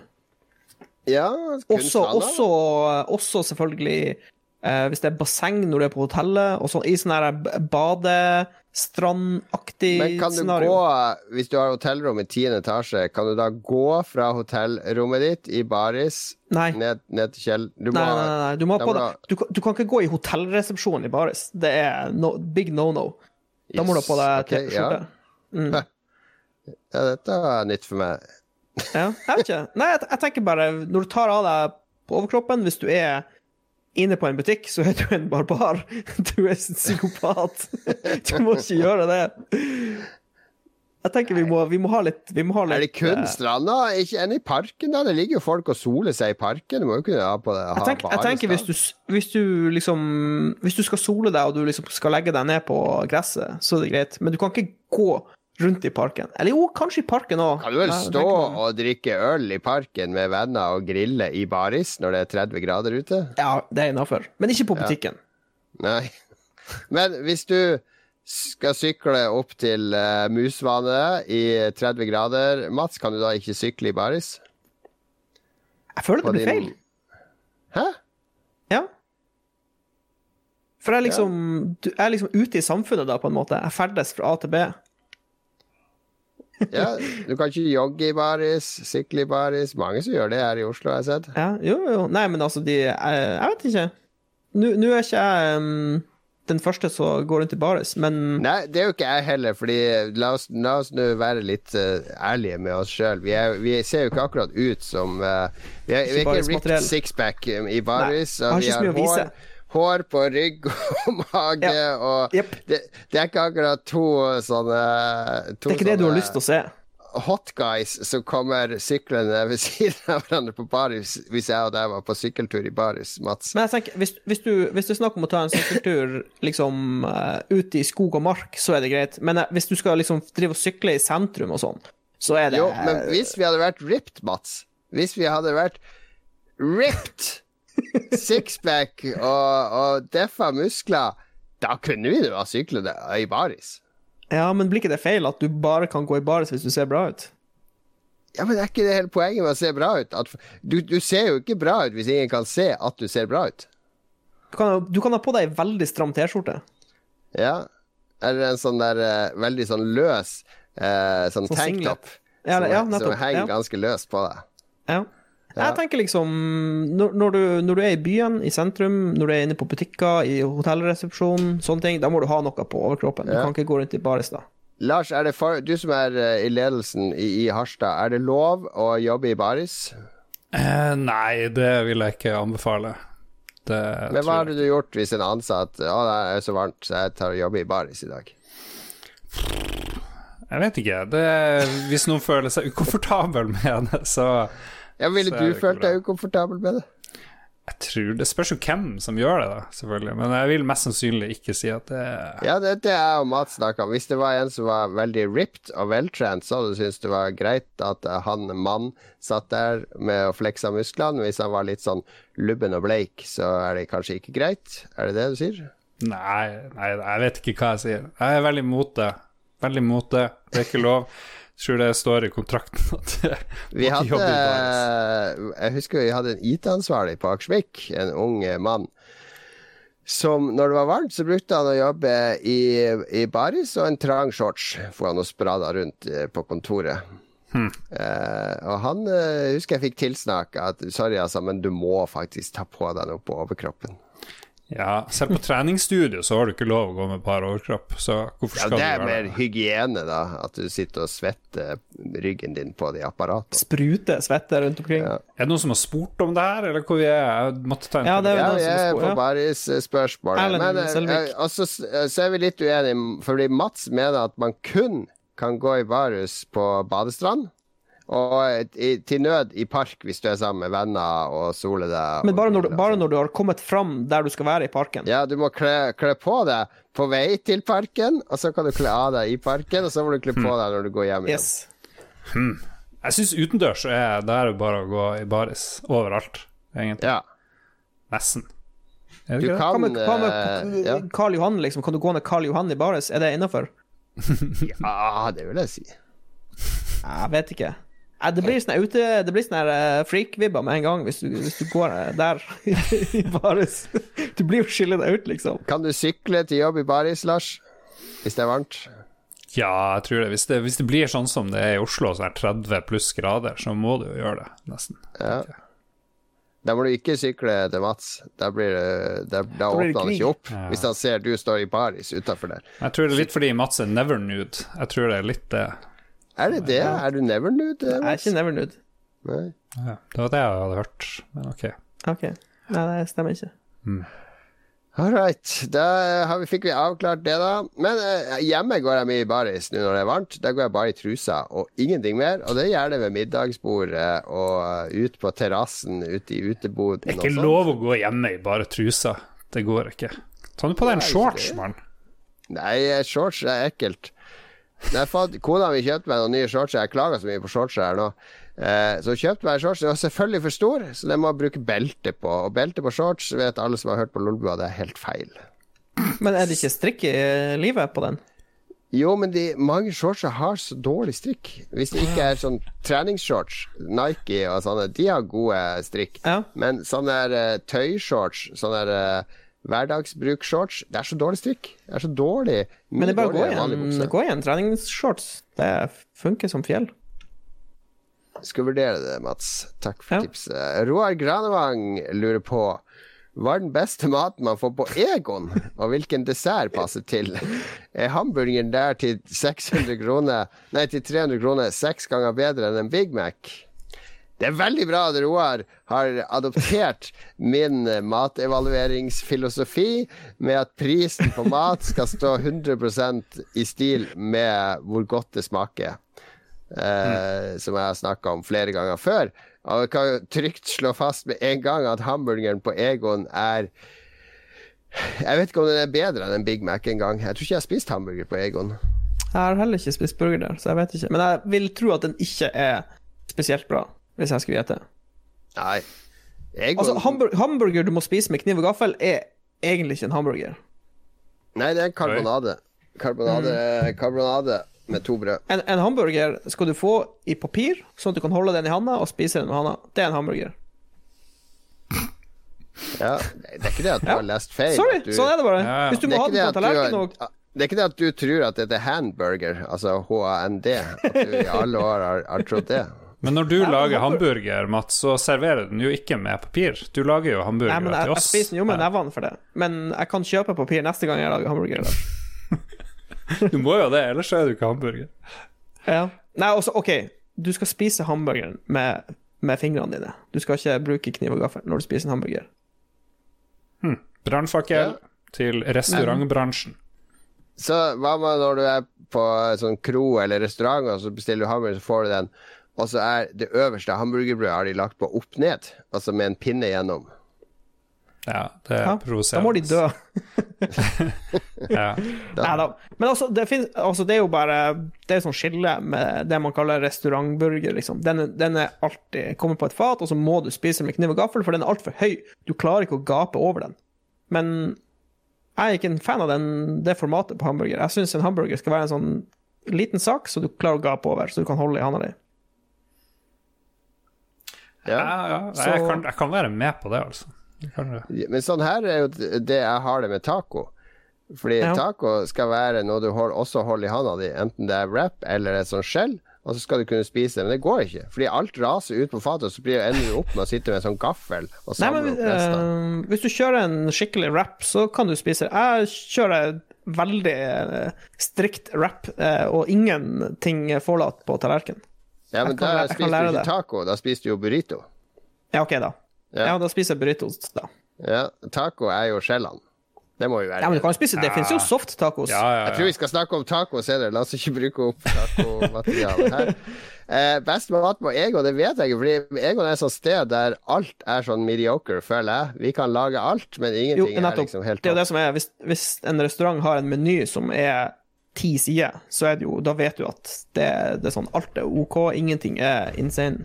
Ja. Det er vel en av de eneste restaurantene som er igjen i Harstad, Egon? Eller Egon og Fire roser og et par til, er det ikke det? Nei, det er en del. Men vet du hva? Jeg var på noe som heter Ava. En uh, ny-ish uh, takeaway-plass. Var der med kjæresten, vi var på noe forestilling, og så var det litt ferdig seint, og så var alle restaurantene stengt pga. korona og sånt. De stenger tidlig, da. Jeg vet ikke helt hva som skjer. Så for vi på Ava, og så spurte jeg han som drev plassen, hva er det du eh, anbefaler? Han bare nei, hva du vil ha? Jeg bare liksom pressa han, hva er det som er bra her? Så jeg men et du ikke her sjøl? Så da nei. Nei, spis aldri her. Er ikke det helt sykt? Han et aldri sin egen mat. Så det måtte jeg jo si til ham. Det er jo ikke noe bra reklame for plassen din. Altså, men han sa nei, jeg drar på butikken og kjøper mat, sånn. Og så lager han det sjøl. For når han jobber så mye der, så bare Han blir bare lei. Han, blir, han syns den der maten de Jo, men tror du ikke det er ganske vanlig? Tror du de som jobber på McDonald's, spiser McDonald's? Ja, det ser sånn ut. Tror du det? Ja. I hvert fall på Burger King i Harstad ser det ut som Tenk alle som jobber der, der tenk å stå i den osen der dagen lang, og så skal du spise det. Det tror ikke jeg de eh, har lyst, Jeg tror ikke du orker det, rett og slett. Nei. Det er som uh, jobbe på plattform, uh, Lars Mats. Det er jo Du bruker jo nesten ikke bensin når du kommer hjem. Nettopp. Jeg har jo kjøpt meg elsykkel. Ja. Det er jo en sviker. Det torde du ikke å si høyt ut på plattformen. Jo, jeg jo, det jeg har jo snakka masse om sykkelen min. det, er jo, det er jo samtaleemne. Joakim Strandberg lurer på hvis Lolbua var en stat, hvem ville vært henholdsvis forsvars- og angrepsminister, og hvilke sosiale goder ville vært forbeholdt de med oppskøne dialekter? forsvars- og angrepsminister det er sånn, I Lolbua så er det jo du, Mats, tenker jeg, som er sånn helt Ja, men klart. jeg, skal jeg være begge? Skal jeg fylle begge posisjonene? Er det, er det en posisjon, eller er det to ministre det er snakk om? Angrep er det beste forsvar, så det er jo én posisjon. Ja. Men det, det vanligste i vår moderne verden er jo et forsvar. For å ikke virke eh, for aggressiv. Jo, jeg tror han mener at det er samme stilling, så det blir jo du som får den. Ja. Men hvem, hvilke stillinger skulle de ha? Eh, Kanskje Katarina? Katarina Oi. hadde vært forsvarsminister. Ja, Katarina tror jeg kunne gjort det bra der. Hun er jo veldig Godt forhold til USA òg. Vi vil jo ikke kødde med de nå, eller russere nå. Det er så vanskelig nå. Det er så mye sikkerhetsrisiko overalt. Jeg har et litt sånn kontroversielt eh, forslag. Bryt alle bånd med Nato, allier oss med Russland. What the hell? Du du skal ikke være forsvarsminister. Det blir Katarina eh, Hvor skal vi putte Mats da, Lars? Hvor er det han passer inn? Jeg kan være propagandaminister. Mm, Mats Jeg vet ikke, nå er du jo Å, oh, oh, jeg vet hva jeg kan være. Jeg kan være han der eh, ministeren som eh, Som liksom jobber bak kulissene, og, og som egentlig ikke har en offisiell posisjon.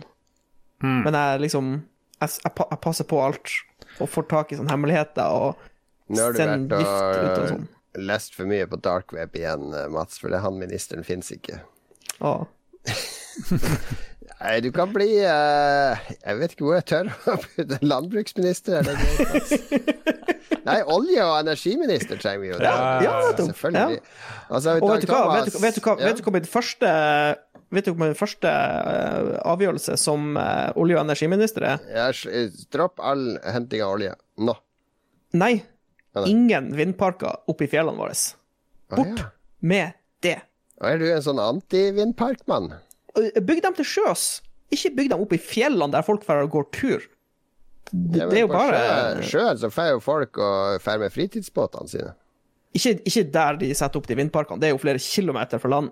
Og så Ja. kan du sette opp en sånn, sånn blokk med masse med masse turbiner, og så er de ikke i veien. Folk får ikke å se dem og hater dem. Men eh, dreper vi ikke fisken og sånn? Ikke. Det er sikkert noen måse som blir å stryke med, men jeg tror ikke noen fisk eh, dør. Okay. Jeg tror det er verre for fuglene.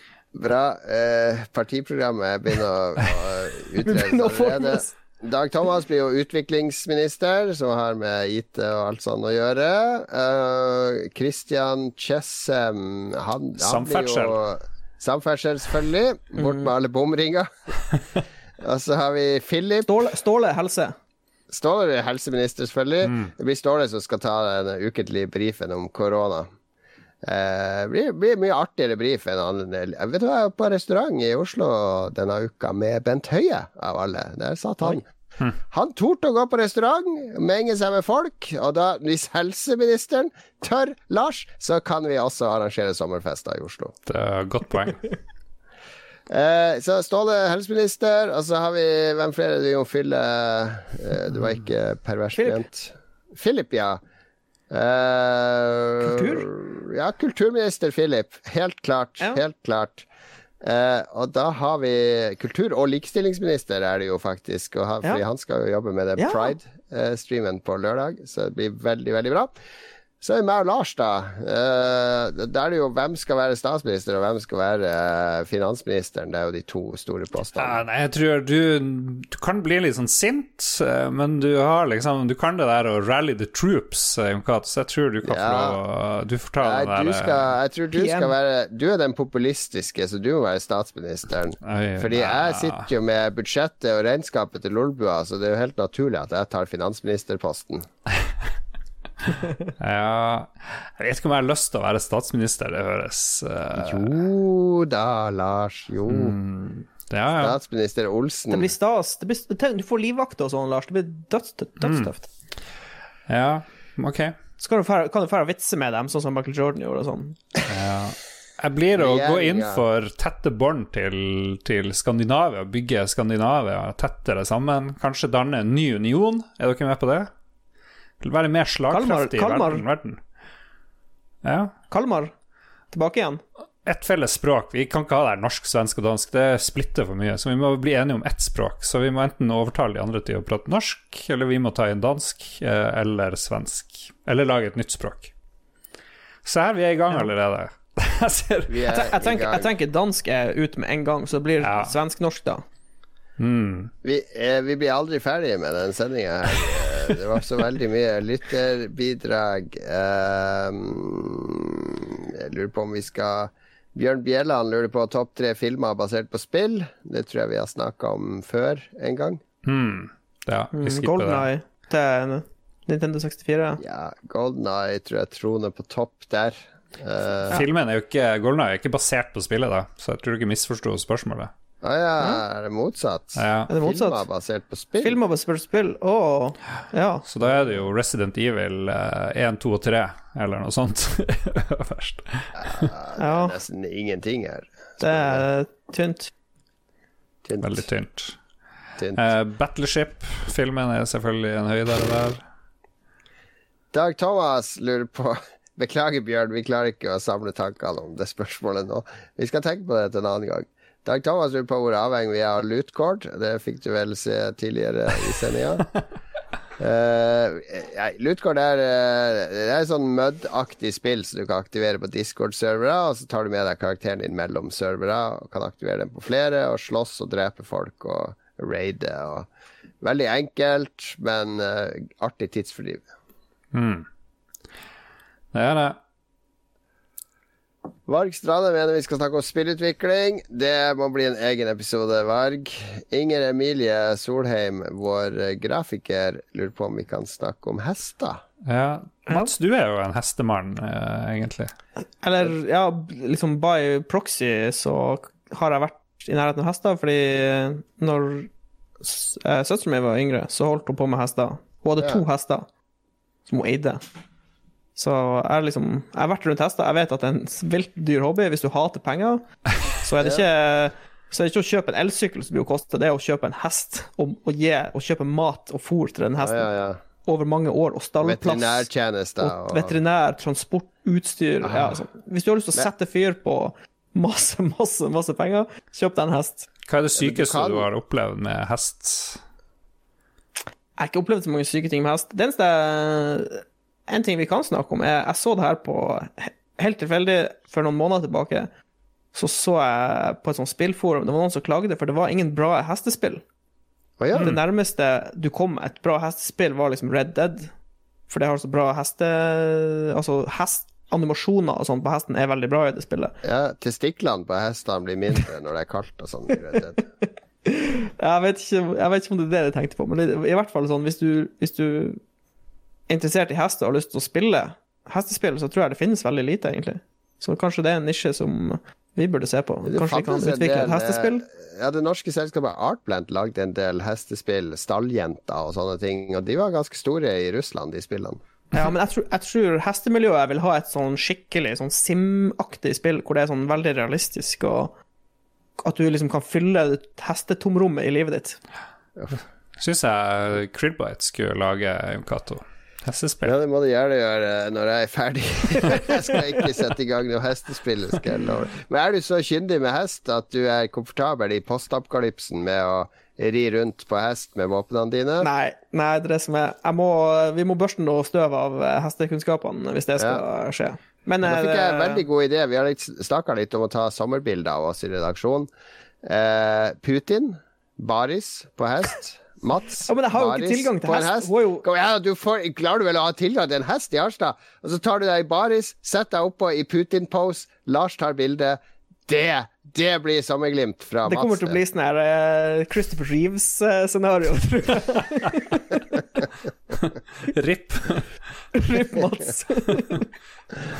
det, det er min største drøm, Mats. Til min Ok, ok, 50-årsdag okay, okay, okay. vil Vi jeg må, vi ha et her. bilde av deg i bark overkropp på en hest i sånn Putin-stil. Det, det kommer jeg til å drømme om hver natt.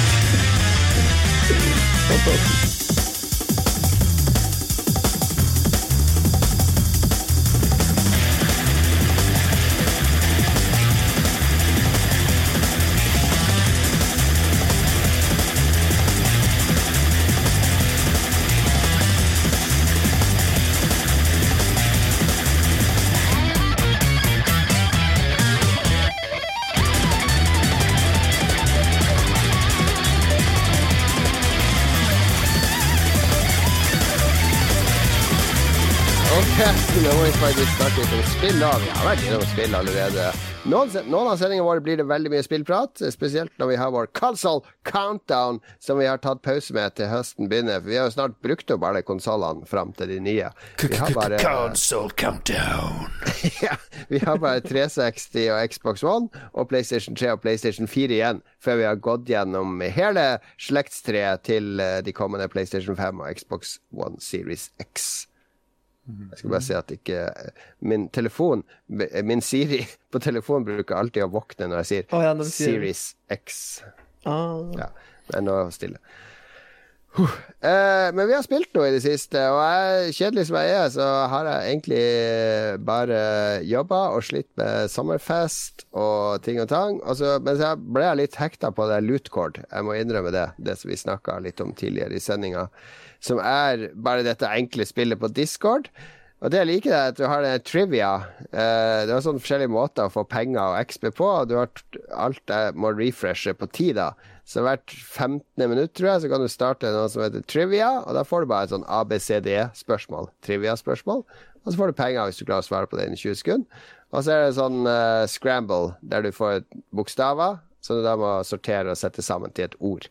Det er det jeg liker best. Jeg liker ikke all den kriginga og kaste granater på hverandre og skyte hverandre i trynet med haglgevær. Det blir litt for, litt for voldelig for meg, da. Ja, jeg blir drept i sted, by the way, ifølge Ja, du drepte meg her om dagen. Dag Thomas har drept meg, du har vært med og drept meg. Jeg blir drept så Du drev og angrep meg først, så da tok jeg det som carte blanche. Jeg ang... eh, Ok. Men det er Hvis du er på vår discord Ja, hvis du ikke er på vår discord, kom deg inn på vår discord. Uh, Lolbua sin discord. Og helt nederst i kanallista så finner du noe som heter Lolutcord. Og inni der skal du bare skrive 10-activate, og så er du med og spiller. Uh, så er det masse kommando og sånn på nettet. Så uh, artig. Artig spill. Ja, det som er litt rart, er at du eh, må skrive T, use, for eksempel, for å bruke et objekt. T-use loot underscore box, eller T-strek inventory, eller bare T-strek i, som vi har skjønt etter hvert, for å se hva du har i inventory, og sånne ting. Og så er alle i den samme chat-vinduet, så det blir ganske kaotisk når det går som verst. Hvis du skal drive og drepe og overføre items til klanvolter og sånne ting, det blir bare kaos. Eh, Men det er jo litt artig, da. Så ja, jeg har kost meg litt med det der. Når jeg sitter og har en pause på jobb, og sånn, så hiver jeg meg inn og ser hva som skjer, og dreper Jon Cato. Men nå er vi i klan i lag, så da kan vi ikke drepe hverandre. Men vi trenger flere folk. Vi trenger en 20 stykk, så skal vi rive sund der eh, mafia, Nordic Mafia, eller hva det enn de kaller seg. Helsikes Nordic Mafia, altså. Join it. Ja. Jeg har bare runda Last of Us og den der eh, DLC-en, Left Behind, tok altfor lang tid. Eh, angrer litt på at jeg gjorde det. Jeg skulle heller bare sett en video. Det er et greit spill, men når du begynner å spille The Last of Us 2, som jeg er godt i gang med, så bleikner jo hele Last of Us 1, egentlig. Det er, alt er litt enklere, alt er smoothere, alt er penere, alt er bedre skrevet. Eh, Sekvensene er litt kortere, jeg syns det er litt mer dynamisk og litt mer moderne. Men det, det Last of Us er jo et syv år gammelt spill, så det er kanskje ikke så rart. la oss gi det litt uh, pusterom. Vi gir det litt slack. Absolutt. Litt slack. Men jeg har brukt veldig mye tid på eh, hva det heter, fotomode. Fotomode. Jeg har brukt minst Ja. like mye tid på det som på det andre. Det er kanskje ikke like bra fotomode som i eh, Horizon Zero Dawn, men det er ganske likt. Du kan ikke stille dag tid på døgnet. Du kan ikke få sola til å gå opp og månen til å gå ned, for det er sånn fikst tid på døgnet spillet putter deg inn. Men litt mer eh, realistisk eh, fotomode, for det kan du ikke i virkeligheten når du er ute og tar Ja. bilder heller. Det stemmer, det stemmer. Så jeg har delt noen bilder på Twitter. eh, Følg Har du ikke noen spoilers du kan dele? Folk du, hater jo når du snakker om nye spill, fordi du spoiler hele tida. Jeg gjør det. Eh, pff, mye bra hest. Mye bra hest, mye bra rep og tau. Taufysikk fungerer veldig bra, bra der. Ja. Spoilers. Ja. Sweet, sweet, sweet. Hestespoilers. Ok, Mats. eh, hva har du spilt? Jeg har spilt to spill. Eh, vi kan ta eh, det nye spillet først. For jeg har vært på jobb, og der har jeg jo ikke mulighet til å spille de råeste spillene. Men jeg har en laptop som kjører greit gamle spill. Ja. Og så har jeg sett på et spill som heter Children of Morta ganske lenge. Sikla litt på det. Det er um, et sånn retro-pixel-RPG med rogelight-elementer. Da. Mm. Som er lagd av et uh, jeg, jeg, tror, jeg nevnte faktisk spillet her i fjor, når vi hadde den oppsummeringa av 2019. For det, ja, det er et iransk spillestudio som har lagd dette spillet, som heter Dead Mage. Uh, jeg tror ikke det er så mange med i det studioet. Jeg tror det er ganske lita, lita gruppe. Uh, men kort fortalt, du eh, styrer en familie, eh, Bergson-familien, som passer på et fjell som heter Mount Morta, derav navnet Children of Morta. Og så kommer det noen sånn korrupsjonsgreier inn i bildet og lager dårlig stemning. ja. Så du må prøve å rydde opp. Rydde opp. Og så har du liksom Du kan Du velger jo da hvem i familien du vil styre, så du kan styre han pappa og søster og sønn og så videre. Og så har alle forskjellige egenskaper.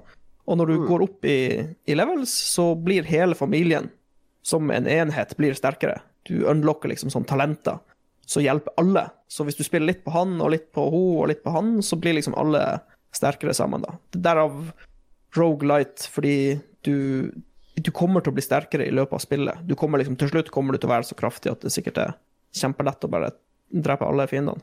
Men uh, uh, selve gameplayet er veldig sånn Diablo-aktig, hvor du blir bare kasta ned i ei grotte som er litt sånn random-generert, og så må du springe rundt og, og myrde monster i eh, mange monster.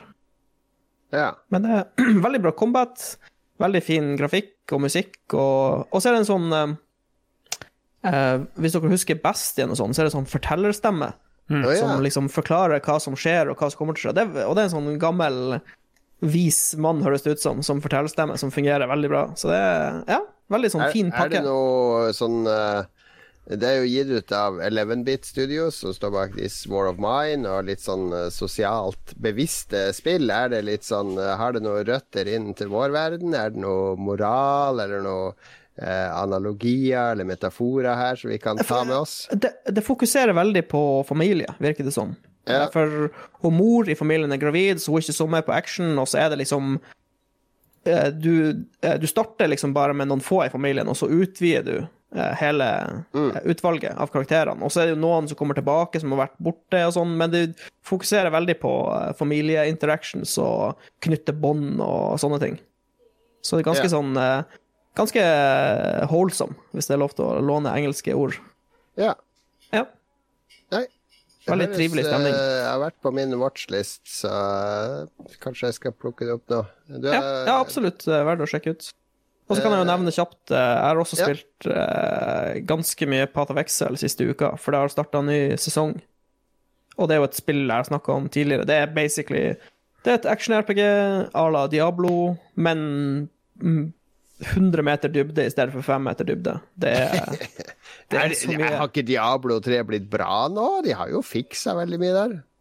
Problemet i Diablo 3 er at eh, hvis du La oss si du spiller Barbarian, så er det stort sett én bild, eller en sånn én item og talentkombinasjon som er klart best. Og da blir det jo til at hvis du har lyst til å, å gjøre mest skade eller å være råest, så må du velge den kombinasjonen. Mens i Path of Exile så er det det er ikke så enkelt. Du har du har mye mer, mer variasjon i hva du kan spille hvis du vil være Altså hvis du vil holde et visst konkurransenivå, hvis det er lov til å si, da. Ja. Så hvis, hvis du vil være rå i, i Diablo, så er det kanskje ett valg, mens i Path of Exile så er det Altså, det er så mye forskjellige Vi kombinasjoner. snakker Men det er om å være rå i PVE, eller er det Ja. PVP du snakker om? Ja, PVE. Det, det er ingen PVP i uh, Path of Exile. Eller det Nei, er men, eh, å være, hva, hva, hva definerer du som å være rå, da? Altså det å gjøre mest damage per second? Er det det som er definisjonen på å være rå, eller cleare dungeons fortest og mest mulig smertefullt? liksom. smertefullt? Ja. Ja, og ikke dø så mye, på en måte. ja, men det er vel det i Dark Souls òg, at du har de, de bildene som gjør at du raskest kan ta bosser og kommer deg gjennom spillet fortest mulig, uten at man nødvendigvis alle går for de? Ja. Nei, altså, det er ingen som tvinger deg til å gjøre det, men uh, altså, Diablo har ikke Du har ikke så mange forskjellige uh, våpen du kan bruke, på en måte. Altså, det er, Nei, i, I Diablo Ja. så er det bare du, du vil ha et sånn legendary, primal legendary, eller hva det heter nå, jeg er ikke sikker. Men det, det er liksom ikke så nøye hvordan våpen det er. Mens i Path of Exile så er det så mange uniques. Ja. Eh, jeg, jeg vil gjerne sammenligne, heller sammenligne det med Diablo 2 i stedet for Diablo 3. For Diablo 2 hadde uh, items som uh, hadde en spesiell effekt, som gjorde at du kunne spille på en spesiell måte. Mens i, i Diablo 3 så er det stort sett bare at du gjør litt mer skade. Du gjør litt mer skade. Det er ikke noen sånne unike effekter som åpner for nye måter å spille spillet på. Nei, nei, nei. Ja. Det blir ikke sånn For meg blir det ofte sånn tyranny of choice når jeg har altfor mange paths å velge, eller builds å velge Ja, mellom, at jeg ender opp med å, å ikke orke å spille fordi Uh, for jeg, jeg er kanskje mer sånn der uh, uh, idiot når det gjelder sånne spill. Jeg vil heller gå på nettet og se hva, hva er det jeg bør satse på, og så bare OK, da går jeg etter Jo da. det. Absolutt. Altså, Path of Exile er ikke for den fyren som ikke vet hva et action-RPG er, og bare skal sette seg ned og, og spille. Du kan gjøre det i noen timer, ja, men du kommer ikke til å liksom treppe sistebossen i spillet, for å si det sånn. Eh, Da må du faktisk ha eh, utstyr og skill-poeng satt sammen i en kombinasjon som fungerer. Så det, det er ikke super-casual-vennlig, det er det ikke. Men jeg syns at det er helt OK at Diablo er der det er. Men og så syns jeg også det er fint at vi har et spill sånn som Path of Exile, som går med vilje i dybden og lage det mer komplisert enn det som forventes av det gjennomsnittlige publikum. Det er jeg helt enig i. Det er helt, At du har et valg, jeg, bare, jeg bare spør for å belyse Jo, ting nei, men jeg skjønner, jeg skjønner og jeg ser 100 det fra Ja. de sida også. For eksempel den nyeste sesongen i Pata Veksel, Harvest. Eh, kort forklart, du, skal, du har en hage du skal dyrke. Eh, tenk Stardew Valley, liksom. Du kan velge Ja. sjøl hvordan du setter opp hagen din. Men Koselig. Koselig.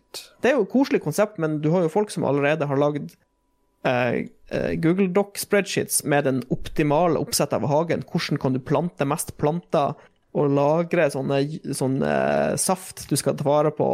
Det blir bare sånn superkomplisert, liksom. Så du har liksom grader av hvor vanskelig du vil ha det, på en måte. Ja, men jeg spiller jo fortsatt Animal Crossing, og det er jo folk som spiller Animal Crossing på den måten òg.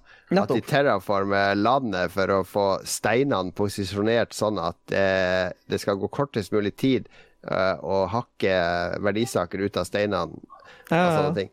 Eh, det, det sånn, for meg er det helt feil måte å spille det på. Jepp. Nei, men det er det som er så fint når du har valget, i hvert fall. Så kan du gjøre det sånn som du vil. Absolutt. Lars, er skjer? Flyr inn og ut hele tida? Er det nyhetssaker? Er det kjæresten som driver ringer og maser hele tida? Nå hadde du med deg noen wienerpølse inn, eller noe sånt, så det ut som. Jeg så jo at vi skal snakke om hva vi har spist i det siste, så jeg måtte hente det. Og så ble det så jævlig varmt, så jeg måtte ta av meg den her lungeriboksa, og så måtte jeg ha Kan meg et ikke glass sitte i baris og- hvis det er så varmt. Jeg fikk litt lyst til det, men jeg, ja. Baris og magacaps, kom igjen, jeg Må gi noe til eh, Ok, du skal slippe. Skal slippe. Takk. Uh, producer Patrion-folkene kan jo få et bilde av deg i baris og magacaps. Det syns jeg de skal få. Det skal de få. Det var det vi hadde spilt i det siste. Altså, Last of Us 2 eh, Lars er mest opptatt av å ta bilder, ikke bekjempe clickers og moaners og groaners og floaters, eller hva Ja. det heter. Jeg er ikke kommet så langt, sant, for jeg går bare hver, hver tiende meter jeg går, fryser jeg spillet, går inn i fotomode, er det noen bra bilder å ta her? Men så har jeg begynt å google andre som tar bilder, og de er så flinke, flinke og så lurer jeg på hvordan får de det til. Så det, jeg skal nok bruke veldig mye tid på det fremover. Ja. Så det blir lite anmeldelse av selve spillet, da. Det blir det. Vi anbefaler å bli med i det herlige kaoset som er Lootcord på vår discord. Og eh, Mats koser seg med koserollespillet Children of Morta og hardcore grind optimization eh, random dungeon generator hack and slash brawler Path of Exile Harvest. Yes. Var en riktig beskrivelse? Veldig bra beskrivelse.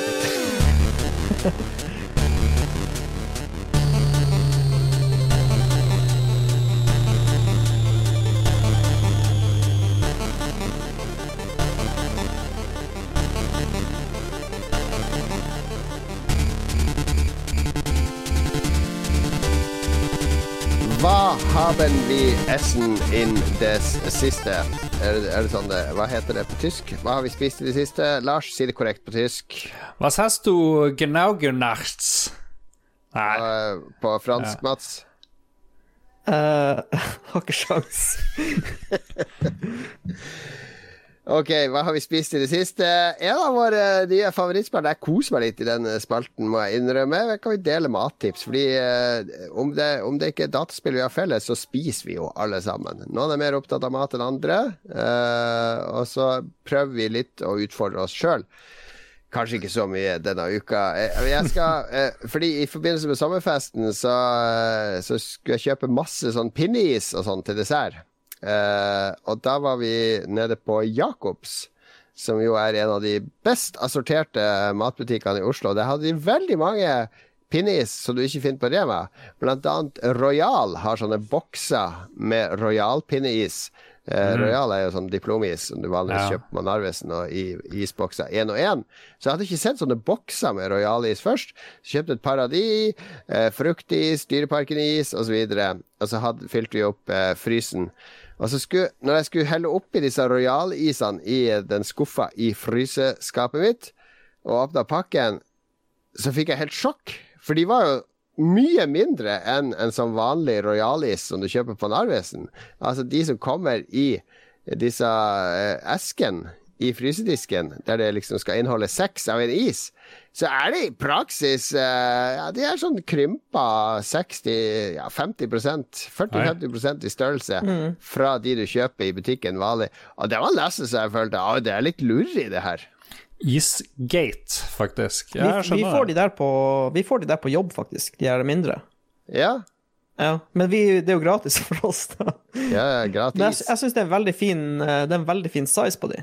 Ja, og det er jo det jeg, jeg konkluderte med etterpå. For Først så var jeg sånn What the hell? Her skal jeg uh, gå på internett nå. Skal jeg rase, være den sinte hvite mannen i 40-årene som raser på vegne av forbrukerne mot dette. Men så spiste jeg en sånn til dessert etter middagen på fredag, og tenkte jeg hadde det vært en sånn helroyal, så hadde jeg vært litt sånn småkvalm. For de er, de er ganske store. Det blir mye is er og sjokolade for ja. pengene. Men det var, det var bedre size. Bedre size. Nå, og nå skulle jeg ønske at jeg hadde de mindre variantene i Narvesen og sånn, for da hadde jeg ikke hatt så dårlig samvittighet når jeg tar meg en is i, eh, i sola og tenker oi, så mye kalorier jeg stapper i meg nå.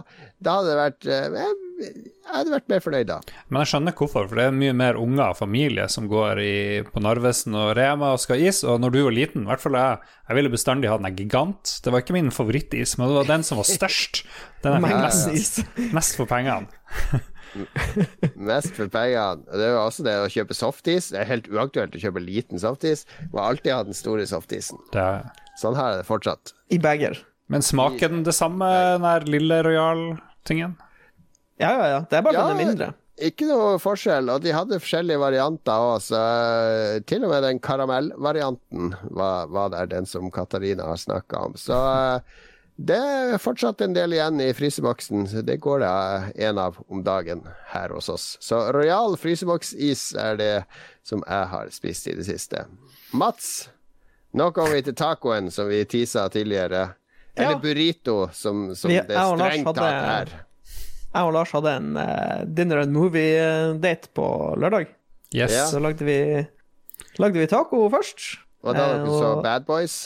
Ja, så vi, var, vi varma opp med taco, og så så vi på sånn her eh, Sånne hinderløype-gameshows. Ja. Uh, Lars, hva var det det het? Hjelp meg her. Uh, The Floor Is Lava så vi noen episoder. Ja, Hva vi så vi først? Det med han eh, Dwayne Johnson. Ja, The Ja. Rock-showet der, ja. Det, Titans eller et eller Titan annet. Ja. et eller annet. Titan Games eller noe det har jeg også sett første episode. Ja. Herregud.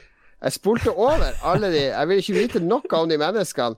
Og når du spolte sånn, så var det jo basically syv minutter med faktisk gameshow. Resten er jo bare presentasjon av folkene. Ja, ja, ja. Men uansett, vi, vi hadde en sånn skikkelig taco- tacomiddag mens vi så på dårlig, dårlig trash-TV. Det er fin, en fin kombinasjon. Ja, Ja. Og så må ble, tacoen Kan dere aldri se på eksempel uh, Kurosawa eller uh, noe no ordentlig film? Noe kvalitetsfilm? Noe Vi ser- vi ser bra film. Vi Må også- det liksom være trash når dere Vi ser, vi ser gode filmer også. Ja. Vi hadde jo Oscar-countdown en gang. ja. Vi så Parasite for ikke så lenge siden, for Ja, ja, det er godkjent. Men, men, Men når- jeg- mens, jeg- men jeg- mens jeg vi et, så nekter han Ja, også å se noe- noe ikke- seriøst. Ja, nettopp. Det er helt uaktuelt å sette på en film mens man spiser taco, eller spiser et måltid. Det går ikke an. Hvis du spiser pizza, går det vel an å se film? Nei, men det tar bort eh, jeg vil, Når jeg skal se en film, skal jeg sette meg ned i en stol, og så skal jeg ha 100 fokus Når du på skal se TV-skjermen. Gameshow med Dwayne The Rock Johnson og en masse bolere som løper, da kan du ikke spise du spise. Nei, motsatt, okay. motsatt, motsatt. Altså, eh, vi spiste taco mens vi så på dårlig TV, og så, når vi hadde, var ferdig å spise og maten har sunket, da Ja. satt vi på Bad Boys. Ja. Har du noen gang satt deg ned og skulle spise taco eller noe annet, og satt på noe på TV-en, og så etter to minutter Ja, dette er for bra! Jeg må sette på noe annet! Jeg kan ikke se noe så bra mens jeg spiser! Nei, nei, Det nei, altså- less than three. Jeg, jeg kan se på TV-serier og sånn mens jeg spiser. Det er bare et eller annet Når du skal se en film, så skal du liksom Da skal du sette deg i stolen, og så skal du, skal du følge med. Skal ha respekt. Respekt Ja. for filmen. Respektere regissøren og hans Ja. visjon. Og så skal du legge bort telefonen. Ja, ja, det er jeg enig i. Det er Ikke sitte og i. se på telefonen når du ser på film. Ja, vi slet litt der Vi slet litt der med Bad Ja, vi Boys. gjorde- vi gjorde- vi gjorde det, vi gjorde der det, kunne man faktisk spist et herremåltid og ikke gått glipp av jeg så skal mye. at, eh, jeg skal innrømme at Bad Boys eh, for Life tjente ikke all oppmerksomhet de. Jeg- Jeg savner en kategori på Netflix som heter Det her er stjålet fra noen på Twitter. Som heter Ting jeg kan se på mens jeg scroller på telefonen. Ja, Det burde Jo. vært en ikke Netflix-kategori. dårlig forslag. Ja. Men jeg tror jeg mange blitt, hadde blitt fornærma. Mange filmskapere hadde blitt fornærma. I just havnet came here to interrupt this podcast to say that I love tacoen, da. Target. Var dette jeg, jeg hater jo taco. Det er, det er faktisk det verste jeg vet å få servert per i dags dato. Det er kinamat og taco. Jeg, Babymais og taco. ja. Var Nei, det, var god var sånn standard- eller var det helt standard- standard? Gjør det dere noe spennende eh, hver gang? Er det noen variasjon? Vi liker å holde oss Nei. til trygge rammer ja. når vi lager taco, så det er Er nesten det dere samme Er dere med eller uten bønner? Svarte bønner? Ikke bønner denne gangen. Men bønner er veldig fint å ha med. En av de få Bønner er tingene som kan redde tacomåltidet for meg, er hvis det er bønner med. Ja. Jeg har én ting som må være med, Lars. Hva det er? Rødløk. Jeg blir tvunget til å kjøpe Rødløk. rødløk. Ja. Ja, hvis, hvis det ikke er rødløk, så, er, så blir det dårlig stemning. Ja, Det blir, det blir sånn ånde av rødløken etterpå. Jo, men det smaker det er så, det, Rødløk er, er så essensielt. Og da er det i wraps, det er ikke disse fantastiske båtskjellene som man bruker fem minutter på å fylle opp, så tar man én bit, og så bare Vi, vi har uh, Han Lars, han Lars eh, sverger til skjellene. Han Ja. Lars er alltid på skjellene. Er det noe svineri i skjellene, Lars? Jeg har et triks, eh, det er å ikke fylle dem med altfor mye, men det blir jo bestandig søl. Men jeg har fått en, en sånn uh, sak, sak hvor du plasserer skjellene oppi. Så du kan lage to i slengen, det er rom til to takskjell. Så kan du liksom For det kjedelige er jo at det tar jævlig lang tid å lage det. Men hvis du lager to i slengen, så får du sånn åh, får du stappa deg ordentlig godt. Og det anbefaler jeg. Jeg vet ikke hvor det er kjøpt, det skal jeg finne ut. Jeg skal spørre Tacobussen. Jeg kjenner jo folk som bare fyller Tar alt mulig fyll på fatet sitt, og så tar de to sånne tacoskjell, og så bare knuser de det over Nei. i, i fingrene sånn, så det Nei, nei, smuldrer nei, ned. nei, nei, nei, nei, nei, nei. Det må vi Nei, nei, nei. nei. Da er det jo det. sånn nacho-greier, og det blir jo noe annet, tenker jeg. Ja, men kom igjen. Ikke være barbar. Ja. Men kan du spise taco i skjell, så det blir tacomat? Ja, ja, jeg, jeg, bruker, jeg bruker som oftest å ta meg et skjell eh, etter Ja. jeg har spist eh, to lefser, bare for å få den der eh, To lefse og et tacoskjell. Nå snakker Mm. vi taco.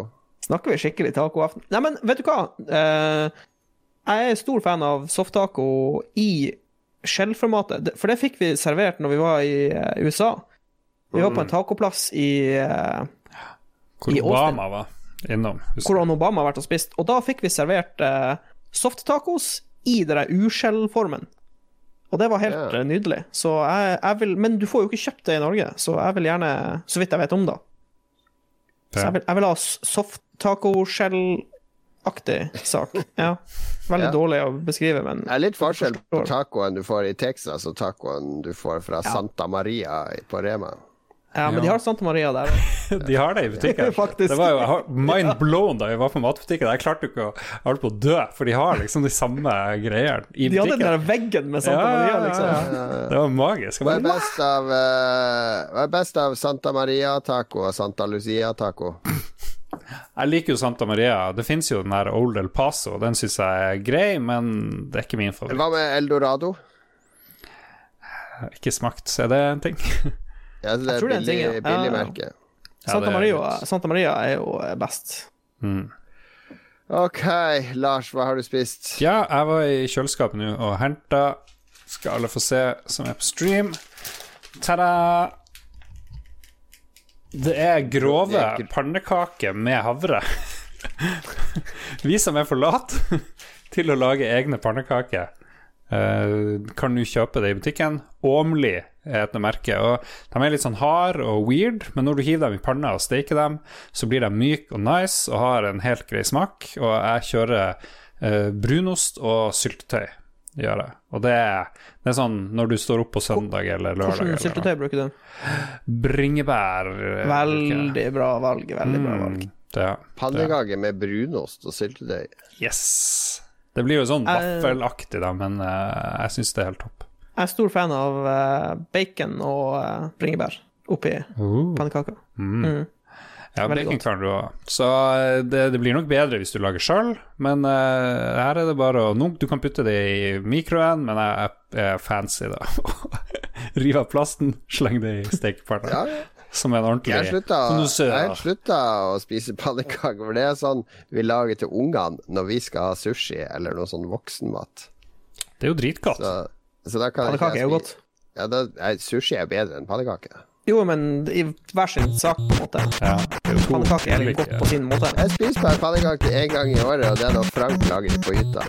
Det er en Ja.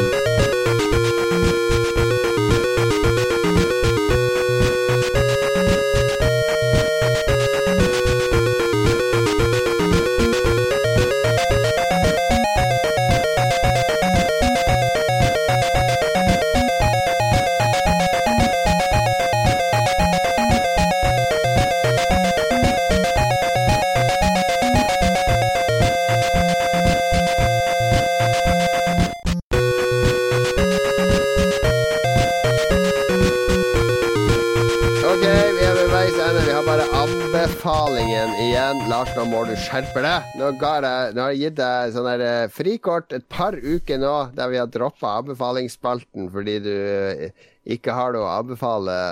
Og, Jeg har en god anbefaling. ja, kom nå med den anbefalingen. Jeg var og fant deg ut da jeg skulle gå opp til musevernet her om dagen, så da satt jeg på Rage Quit-podkasten fra Dag Thomas eh, og Ståle, og ja, mangla jo Christian i forrige episode. Og så Da den var ferdig, så hoppa den av en eller annen grunn over til Lolbua 230, for jeg tror jeg hørte det på Spotify-appen eller noe sånt. Og det var episoden hvor jeg og du, Jon Cato, snakka med Martin Bergesen, som har skrevet boka 'Alle kan spille'. Og det var veldig koselig gjenhør, egentlig. Og så tenkte jeg hm, det var jo det var veldig fint. Jeg hadde jo en veldig detaljert anmeldelse av Soul Caliber 6, eller noe sånt her. Helt sykt. Yeah. Husker ikke. Og da du fortsatt spilte spill? Jeg hadde lagt skikkelig sjela i å finne ut alt om det spillet. Uh, og jeg syns kvaliteten var litt sånn hm, Kanskje Lolbua var mye bedre for 100 episoder siden. Det er godt mulig. Og så, og så gikk jeg nå av gårde, og så kom episode 231, og da var Mats med, og det var god stemning. Og så var det episode 232, og da var det broren min og Mats og meg nede i kjelleren her. Og det var, det var veldig gøy. Veldig koselig å høre. Jeg hadde glemt alt vi hadde snakka om og sånn. Og, eh, fikk, jeg fikk eh, tilbringe tid med min bror, som jeg jo snakker lite med. Så jeg anbefaler rett og slett Gode, gamle dagene. Før Ja. korona, rett og slett. ja, ja, ja, verden var en bedre plass. Jeg anbefaler rett og slett episode Lolbua 230 til 232. Mulig 233 òg. Veldig sånn spesifikt episodeantall. Herregud, for en anbefaling. Nei, det Jeg anbefaler alle å sjekke det ut. eh, eh, Noe av eh, Altså, det skjer jo mye i livene våre som gjør at vi må prioritere annerledes. Ny jobb, kjæreste, ting og tang. Eh, Men har du reflektert over hva vi har mista fra de episodene? Hvorfor du føler Mm. at disse var, er bedre enn det vi får til nå? Det er et godt spørsmål. Det tenkte jeg ikke så mye på. Hm. Du må jo bruke dette i, Ja, ja. som arbeidsmetodikk. Ja. Altså, hele tida jobbe med å forbedre det vi lager nå. Ja. Nei, det var noe der, men sant, det, blir kanskje for nært. Men jeg syns det var koselig. Jeg synes det var koselig. Um, kanskje vi må spørre lytterne. Hva var bedre før? Hva er Kanskje- bedre nå? kanskje- Det kan jo kanskje være en anbefaling for nye lyttere som ikke har hørt de episodene, å gå tilbake litt i tid og høre på Lolbua back Mm. in the day. Hva skal du gjøre, Lars, for å make Lolbua great again? Nå som du har hørt eh, Lolbua på høyden. Jeg vet da faen. Kanskje vi var på høyden akkurat 2.30 til 2.32. Det var peak. Det var Ja. peak. Peak Lolbua. Da gidda vi å ta inn gjester og sånn. Nå har vi bare gitt helt opp. Egentlig. Ja, vi har det av og til, men uh, vi får se hva vi gjør etter sommeren. Vi skal nå holde på gjennom sommeren og ut Mm. året. Vi har jo ikke hatt sommerferie på fem år. Jeg tror det går mot en eller annen arbeidsmiljølov. Ja, faktisk. Men vi tar jo de seriøse tingene. De gjestene de har jo nå i spillrevyen, sånn sett. Men ja, ja, ja. Ja, kanskje Lolbua utspiller sin rolle? Kanskje det bare skal være Spillrevyen og Ragequit fremover? Det er sånn Beatles brytes opp. Vi får se. Kom gjerne med innspill eh, på hva vi kan gjøre bedre. Eh, Jeg vet at mitt humør kan gå opp, men det gjør det nok til slutt. Eh, Jeg blir så sur av varme. Altså den varme og sånn er verst jeg vet. Oh. Når jeg er varm Jo, men- og klam og svett. Det, det er vel gjort forskning på det, at liksom rundt ekvator og sånn, det er jo der folk er mest voldelige, for det er, så, det er altfor varmt, liksom. Det er ubehagelig. Ja, ja, ja. Altså Når jeg sitter oppå, oppå det loftet her om kvelden og spiller inn Lolbua, så jeg merker at jeg blir så sur av å gå opp og gjøre det. Så hele, hele premisset før jeg skal lage episoden, er liksom uh, et dårlig utgangspunkt. Ja. Så jeg vet ikke helt åssen jeg skal løse det. Krallnord78 sier i chatten at quiz med Quizmaster-spalten bør kanskje komme tilbake. Det er jo sånn jeg tolker den. Det var Ja, Ja. Kanskje vi Ja. skal prøve det det. kan vi, se på. Jeg skal komme med en eh, god eh, sommeranbefaling. Uh, sommer er jo tid for å sosialisere, med mindre du er Lars bare Å nei, det er så mye korona, må ikke ha folk på besøk, og du bor i Oslo. Så Ja, ja. det er lov å sosialisere litt. Bare bruk antibac og hold avstand, og ikke, ikke drive og ligge i skje med fremmede. Så går det sikkert helt greit. Eh, og da når man skal sosialisere om sommeren, så er det veldig gøy med litt sånn lettbeinte kort- eller brettspill eh, mens man drikker øl og, og slapper av. Bare alle tar på litt antibac, så kan man spille kort helt fint og, og sende kort mellom hverandre. Eh, og der, det kuleste kortspillet som har kommet nå de siste årene, er et som heter Kakerlakken-poker. Det er tysk og betyr, Lars Det betyr s- Jeg skjønner ikke tysk, så jeg vet ikke. Har ikke peiling. Jeg vil bare si Was haben wir in letzter Zeit gegessen? Wow! Det betyr hva har vi spist i det siste? Kakerlakken-poker betyr selvfølgelig kakerlakkpoker, eller cockroach poker som det heter på engelsk. Eh, På Outland så har de den tyske versjonen, men ikke vær redd for det. Det står ikke et tøddel tekst på kortene om uh, bruksanvisninga er på engelsk, selv om det står kakerlakken-poker på coveret. Kakerlakken-poker høres mye kulere ut enn cockroach poker. Det er et kjempeenkelt bløffespill. Eh, du har, får en kortstokk der det er eh, åtte forskjellige sorter. Det er kakerlakker, flue, edderkopper, padde, stinkbille, eh, flaggermus, rotte og det kunne ha nesten alle åtte. Ja, en til. Så nært. ja. Og så er det åtte av hvert kort, så det er 64 kort i kortstokken til sammen. Og Så deler man ut ett kort til hver spiller, og så får du da en hånd med disse kortene. Og Det eneste du skal gjøre hvis det er din tur, eh, så skal jeg velge et kort, og så skal jeg sende det til en annen spiller. Eh, han får ikke se på det. For eksempel sender jeg et kort til Mats, så sier jeg Mats, det er en flue. Så Mats har da to valg. Han kan si 'jeg tror på det'. Hvis han da ser på kortet og det er en flue, så får jeg flua foran meg på bordet. Hvis, du, hvis det ikke er en flue, så får Mats den. Eller at Mats kan si 'jeg tror du lyver'. Altså Da skjer det motsatt, ikke sant? Eller Mats kan si 'jeg vil sende det videre'. Da ser han på kortet, og så sender han det til Lars, og så sier han eh, 'ja, Lars, det var en flue'. Eller han kan si eh, 'nei, Lars, det var faktisk en padde'. Og så har Lars det samme valget. Kan man ikke sende det tilbake til en som det før. Så hvis du da ender opp med fire kort av samme dyr foran deg, fire fluer f.eks., da har du tapt. Så det er én taper. Det er litt som svarteper. Eller hvis du mister alle kortene du har på handa, så har du òg tapt. Så det er, det er enkel psykologi, egentlig, og en god del strategi og taktikk etter hvert, basert på hva du har på hånda, hva de andre har foran seg. Hvis, hvis f.eks. Mats har tre fluer foran seg, så vet alle Han vet at han er ute hvis han får en flue til. Så hvis noen da sender deg et kort og sier 'Mats, det er en flue', hva må du svare da? Du kan sende det videre hvis det da faktisk er en flue, og du sender den til meg og sier Jon Cato, eh, det er en flue, og jeg sier jeg tror på det, og så er det en flue. Da får du den flua tilbake, da har du tapt. Ah. Så det eneste måten å sikre det er å si ja, jeg tror det er en flue. Hvis det da er en flue, så går den tilbake til han som sendte den. Hvis det ikke er en flue, så får du den foran deg, men du får i hvert fall ikke fire fluer. Så man kan drive og pøse kort på de, til de som har tre, og true med at det er den siste de mangler, uh, og gange opp. Og er det masse, masse sånne der, uh, psykologiske greier i det spillet som gjør det utrolig morsomt.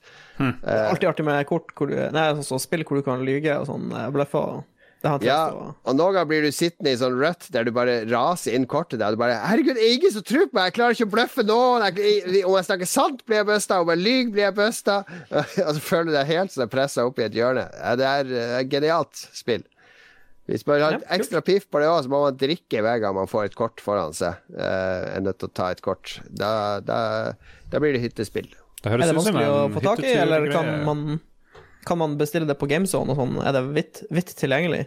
Det er vidt tilgjengelig. Det er ikke, det er ikke sånn der Alle spill som er sånn brand new og hot, de er jo helt umulig å få tak i ofte, for da må man vente på nytt opplag. opp. Men uh, det her skal være tilgjengelig på alle steder. Spill heter Scheisepåka. Jeg bare så noen Cockroach LeChuck lurer på hva det heter. Ja. Kakerlakken-poker. Cockroach poker. Så Bra. de hadde i hvert fall mange inne på uh, Outland. Ja. Hvor mange Eh, kan spille? var det noe grense, by the way? Hvor mange... ikke, hvor, mange, hvor mange kan spille samtidig? Det er hemmelig. Vi mista Jon Cato. Vi mista Oslo. Det var jeg som gjorde noe rart med mitt headset. Eh, hvor mange kan spille, Jon Cato? Eh, seks. Seks? Ok.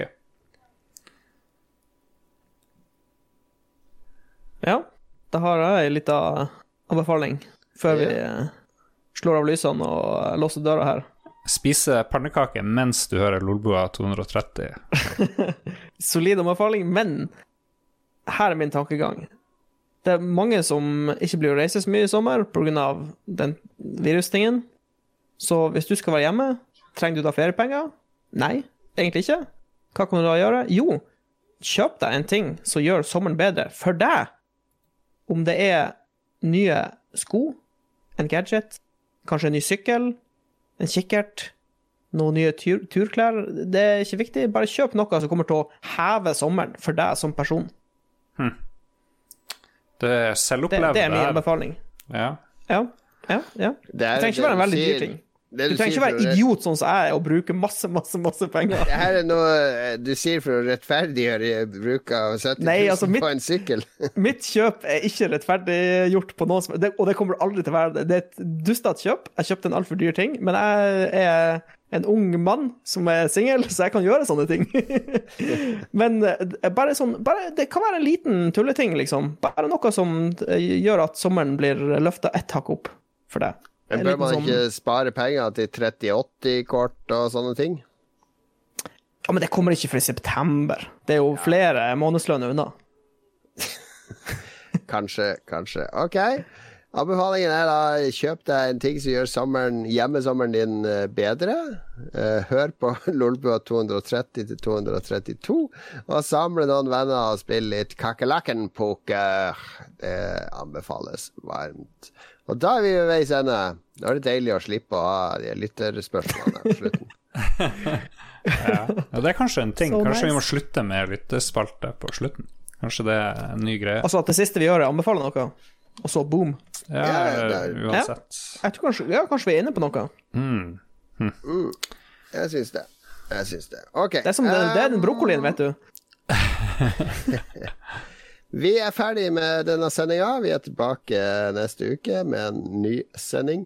Uh, vi har også Ragequit, som kommer på fredag denne uka. Og Spillrevyen uh, kommer hver mandag. Vi er på Patrion. Vi driver og rydder litt på Patrion nå. Uh, vi skal ha et møte om den nå. Det er innført moms der, eh, som gjør at noen tiers antagelig blir litt dyrere, fordi det kommer moms på, i tillegg. Så vi skal gjøre om litt der. Eh, vi er litt redd for å miste alle de vi har, hvis vi gjør for mye om. Så vi, vi må se litt nøye på det. Mm.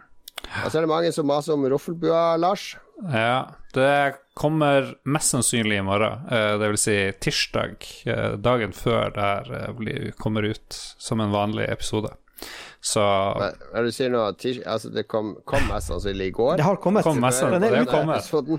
Back Ja, to the nå. future. Kan du si at det er ute nå? Kan du love det? Oi, oi, oi. Ja, hvis det ikke begynner å brenne noen hus og sånn der, så, sånn som i dag. Det ble mye jobb i dag. Ja. Jeg sier det. Det kommer. Det kommer, som hvis det er lov å si det. Jeg prøvde fakatten ta meg han uh, Puntervold å kaste en granat på meg igjen i Utgård. Helsikes fyr. Alle, alle skal inn i vår discord nå og gange opp på Punti. Mobiliser styrkene. Støtt oss på Patrion. Join oss på Discord. Drep Punti. Det er det nye slagordet til uh, Lolbua. Han skal gråte seg gjennom sommeren. Den Ja. helsikes Puntervold. Tusen takk til TTMXMP, Kobrakar84, Anne Beth og Rolf Helge Øvergård Ingebrigtsen. De er produsenter, bruker altfor mye penger på oss. Vi er veldig glad i dem, og alle andre som støtter oss på Patrion. Takk, takk. Ha det bra! Ha det.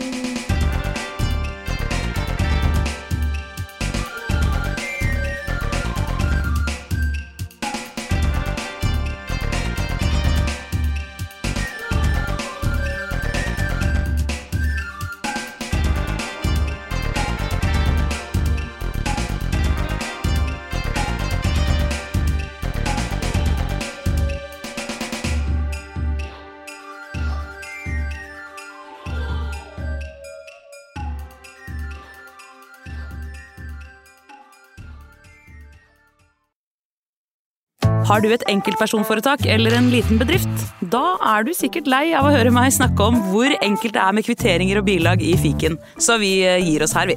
Fordi vi liker enkelt. Fiken superenkelt regnskap.